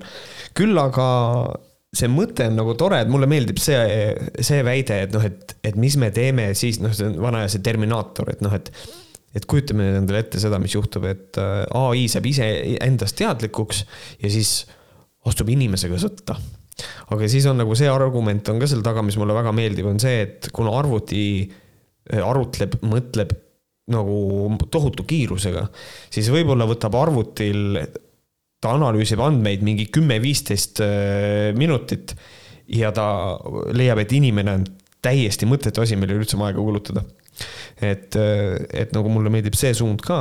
ja, ja seal räägiti ka sellest, et põhimõtteliselt äh, praegu ehitataksegi nagu endale jumalat ja tegelikult õpetatakse ka roboteid nagu ise mõtlema mm -hmm. ja noh, praegu kõik see on nagu algfaasis, seal räägiti ka, et sellega võib minna aastaid viis, kümme, viiskümmend, sada, aga üks hetk see juhtub nii või naa Ja. ja veel paar võtet oli selline, et nagu näotuvastuskaamerad suudavad tuvastada näokuju järgi homoseksuaalsust Pole kaugel aeg, kui algoritmid suudavad tuvastada muid intiimseid omadusi, ateismi, liberaalsust ja nii edasi. see oli siis nagu point. see võib päris õudne olla mõnele konservatiivile. ei aga point ongi selles, et see on ehitatud, et äh, näo järgi suudetakse noh, meie elu nagu paika panna, kes me oleme mm., mida me mõtleme ja selle kõik, kõik see töötabki niimoodi ja praegu see juba asi töötabki ma ei olnud kunagi selle peale mõelnud, see oli nagu see, mille peale ma selles filmis hakkasin mõtlema. et kui praegu vaata, kui ka Instagramist käib mingi reklaam üle, vaata sellest, kus on mingisugune, ma ei tea, Avengers ja siis pane oma nägu sinna asemele ja siis nagu see yeah ja juba see on tohutu tegelikult äh, saavutus, aga meie jaoks on see kuidagi nii loogiline, ah näed jälle tore äpp, paned selle onju. Mhm. ja siin on näiteks kirjas, et ähm, Hiina kogub andmeid ja ühel hetkel pannakse kokku inimese pilt ning tänu sellele hinnatakse, kas oled võimu suhtes hästi käitunud. sel juhul on lihtsam saada riigilt teatud teenuseid või tuge. kui aga asi on vastupidi, ootavad karistused või piirangud. ma usun, et see on see osa, millega oli Varro Vooglaid nõus, kui ta jagas. tema on nagu, nagu see ongi see point, vaata, et kui sa oled olnud riigi vastu, vaata yeah,. Yeah. et siis sa nagu ei saa mingeid hüvesid ja siis ta nagu kohe tõmbas sinna kookonisse jah, see on väga võimalik, sest et see on probleem. ja seal oli veel hästi palju erinevaid äh, teemasid, selles mõttes, et iHuman on vaatamist väär, aga Social Dilemma on minu arvates kümme korda parem, kümme korda huvitavamalt tehtud, et võib-olla see, see iHuman oli veitsa aeglane, kuidagi veitsa aeglane ja kuna ta oli kaks tuhat üheksateist aasta film, siis ta oli juba, juba natuke oligi aeglane, ta oligi juba maas aastakene, ütleme, Social, Social Dilemmaga mm. -hmm. et aga need on üsnagi ikka jah, mõlemad tuleks nagu ära vaadata, et need on jah, noh, neil on ka erinev fookus ilmselt, ma juba saan aru, sellepärast et ähm, Ahiman räägib siis nagu sellest võimalikust tulevikust mm, -hmm. aga mis teeb Social Dilemma nii õudseks, on see, et see nagu tegeleb hetkeseisuga, kus mhm. kohas mm -hmm. on see, et ei, me, me tahamegi, et sa scroll'id kogu aeg. ja kuhu ma tahtsingi jõuda, et ai-l on väga lihtne nagu, et me ehitame endale jumalat või nagu mingit äh, ülemust või bossi, et nagu nagu inimese, inimkonnaga ei ole vaja sõtta minna ai-l mitte kunagi, lihtsalt tee inimese elu era, erakordselt mugavaks, vii talle toit ukse taha, anna talle sotsiaalmeedias, mida sirvida, anna talle filmid ja videomängud ja ta ei viitsi su vastu sõdida. noh, ongi, ai-l on väga lihtne. ja siis ai võib samal ajal teha mida iganes ta tahab teha. sihuke Wall-E stiilis asi, jah mm? -hmm. just, põhimõtteliselt küll, et sööge oma kuradi purksi ja on, on, on rahulik. põhimõtteliselt. aga jah, Siim, aitäh kirja eest ja. jah, suur tänu, Siim siis film. sisenes uksest sisse Urmas, kes, Urmasel oli selline kiri. tere, kuna vist mingis osas käsitlesite minu mäletamist mööda eesti keele kohta mingit küsimust, siis otsustasin teie poolde pöörduda. kui ise ei suuda asja ära lahendada, siis võib Märt oma teise poole käest ju küsida üle. suur küsimus on selles, kas mina olen täielik ohmu või ei oska teised eesti keelt Äh, lihtsalt ütlen vahele tavaliselt, kui sul on suur küsimus, kas teised ei oska või ma olen ise ohmu, siis minu jaoks on tihtipeale see vastus olnud minu enda jaoks hästi, hästi negatiivne. ikkagi iseloomu, aga vaatame kohe.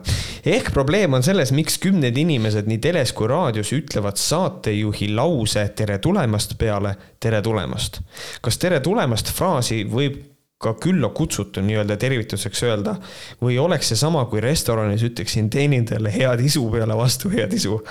suur probleem, mis on õige vastus, tahaks öösiti normaalselt magada, mitte pidevalt selle küsimusega pead vaevata. tervitused, Urmas. nii.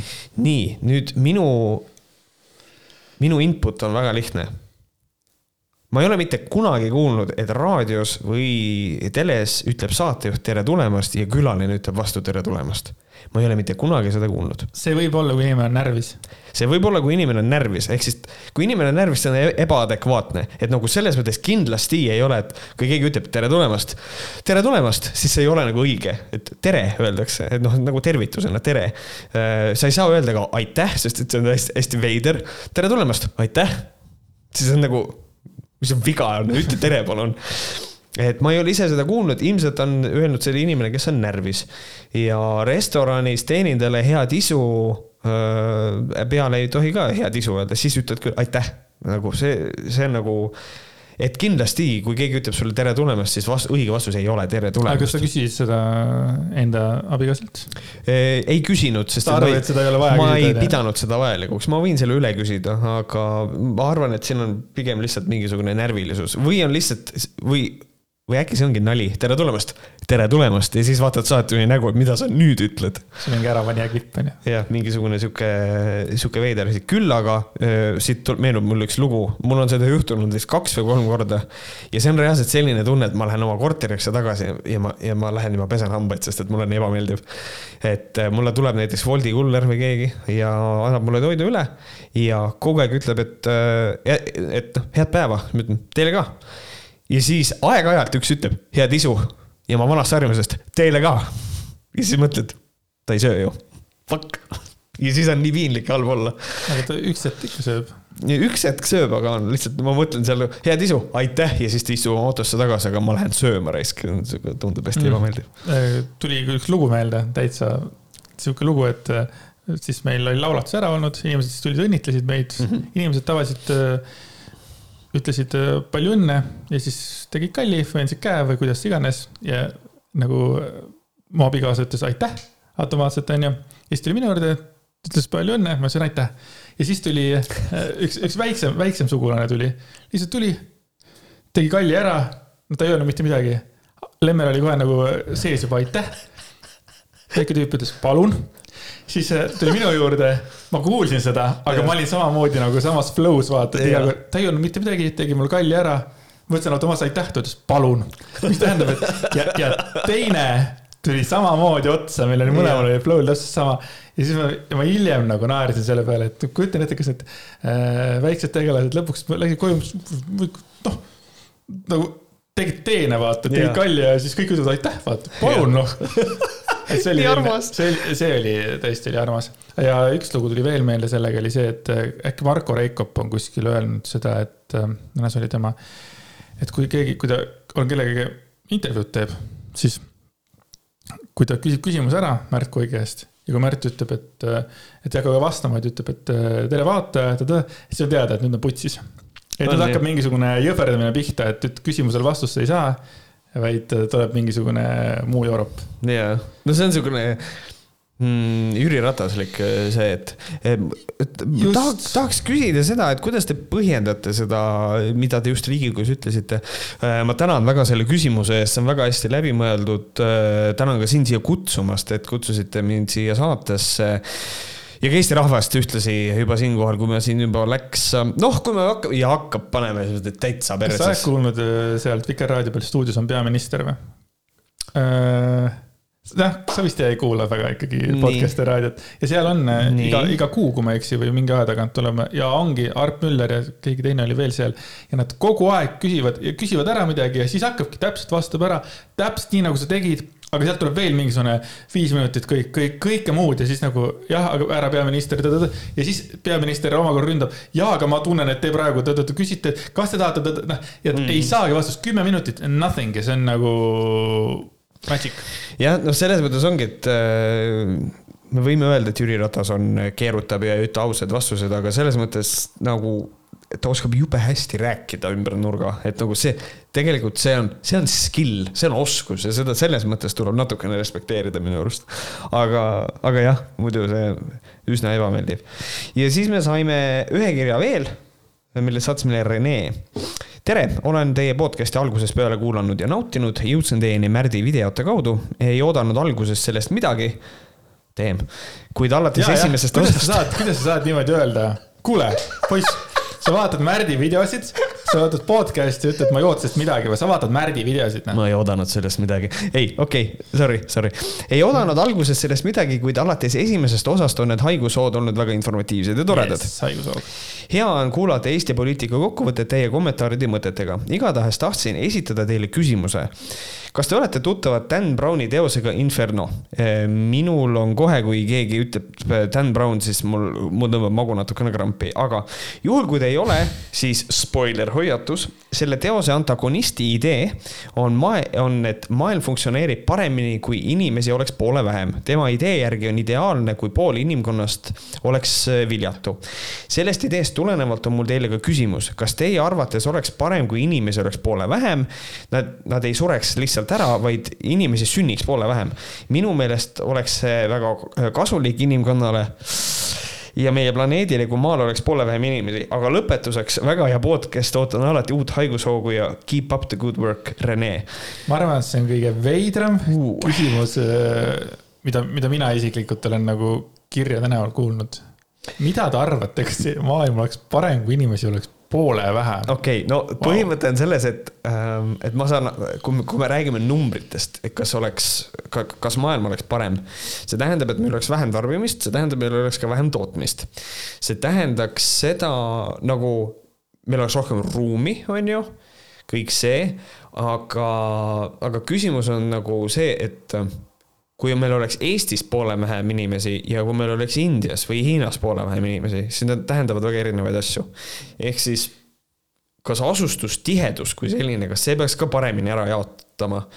et äh, selles mõttes, kui meil on võimalus niitväljal golfi mängida, mis minu arust on noh, ajaviitena, see on kallis ajaviide, aga väga inimesed hindavad väga seda niitväljal golfi mängimist, siis mina leian, et see on see on ruumi raiskamine, täpselt samamoodi ma leian, et, et surnuaed on ruumi raiskamine, sest et seal on lihtsalt see on lihtsalt plats, kus on, mis on laipu täis, et noh, et minu arust võiks inimesed äh, tuhastada. Äh, et nad võtaks vähem ruumi, eks ole. aga et noh, et sellele asjale saab nagu läheneda hoopis teistmoodi. Ähm, vandenõuteoreetikud väidavad ka seda, et meil on mingisugune suur plaan juba läbi koroonaviiruse, eks ole, rahvastiku arvu räigelt vähendada ja kõike see kas maailm oleks parem? ma ei oska sellele küsimusele vastata, kas ta parem oleks, sest et inimesed paraku loovad oma noh, et selles mõttes ma arvan, et meil oleks samasugused poliitilised probleemid, meil, ma arvan, et meil oleks samasugused eraelulised probleemid, kas inimesi on sama palju kui praegu, võib-olla vähem.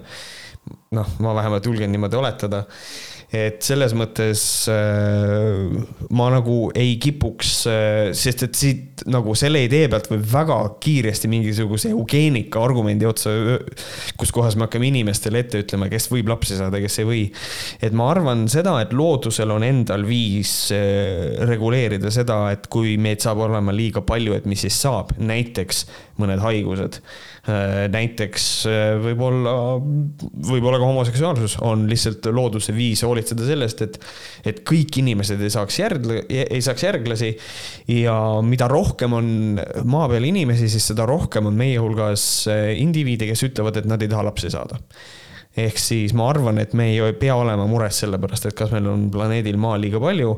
ja ma ei, ma kindlasti ei kipuks Thanos snappi tegema, et nüüd pooled inimesed ära kaotada, et nad lihtsalt ära sureks. ja ma arvan, et ma kindlasti ei hakkaks kokku panema mingisugust agendat selle jaoks, et kuidas me saaks hoolitseda sellest, et meid oleks saja aasta pärast täpselt poole vähem. et ma arvan seda, et sellega saab loodus iseseisvalt hakkama, rääkimata inimestest endast, kes on väga võimeline teist inimest maha lööma. Tarmo Loodust ikka väga kõrgelt ma jaa, Tarmo Loodus Tarmo Loodus kuulab podcast'i mõtleb, Jeesus Kristus, kui palju mul tööd on. kui jaa, ma mõtlesin täpselt samamoodi, et oleneb, vaata kelle käest küsida, et kui küsida nagu meie käes siin Eestis, siis, et kuidas sa nagu pooleks lööd, et kui sa lööd nagu täpselt niimoodi, et pool Eesti inimesi paned, ma ei tea, kaob ära ja siis pool Hiina inimesi kaob ära ja pool India inimesi, on ju. siis ma arvan, et see ei oleks nagu kuidagi nagu õige valik, sest meid on ju mingi vähe ja meil vaevu miljon vist ja natuke peale, kui sedagi või. jah, miljon kolmsada on meid. ja, ja, ja, ja kuidagi ma nagu võib-olla ei, ei näe seda maailmavalu niivõrd palju võib-olla oma keskealise valge mehe, ma ei tea, seisukohast. seda on raske öelda ja mulle meeldib päris tihti nagu pöörata pilk kõrvale millegi mm. hirmsa nägemise ajal. et aga kirjuta mõnda Hiina podcast'i ja küsi seal, mis te arvate, ma kujutan ette, et sealt nagu tuleks mingi väga, väga hea ja võib-olla mõttekas vastus. jah, ja siis kirjuta mingisugusele täiesti pöörasele haigele inimesele ka nagu näiteks, ma ei tea, mingisugune mingisugused ethnostei tüübid, kes ütlevad, et äh, nahavärv määrab inimesel geneetiliselt kõik asjad ära ja et siis nemad annavad ka kindlasti veel oma take'i, mis on veel, veel, veel omamoodi.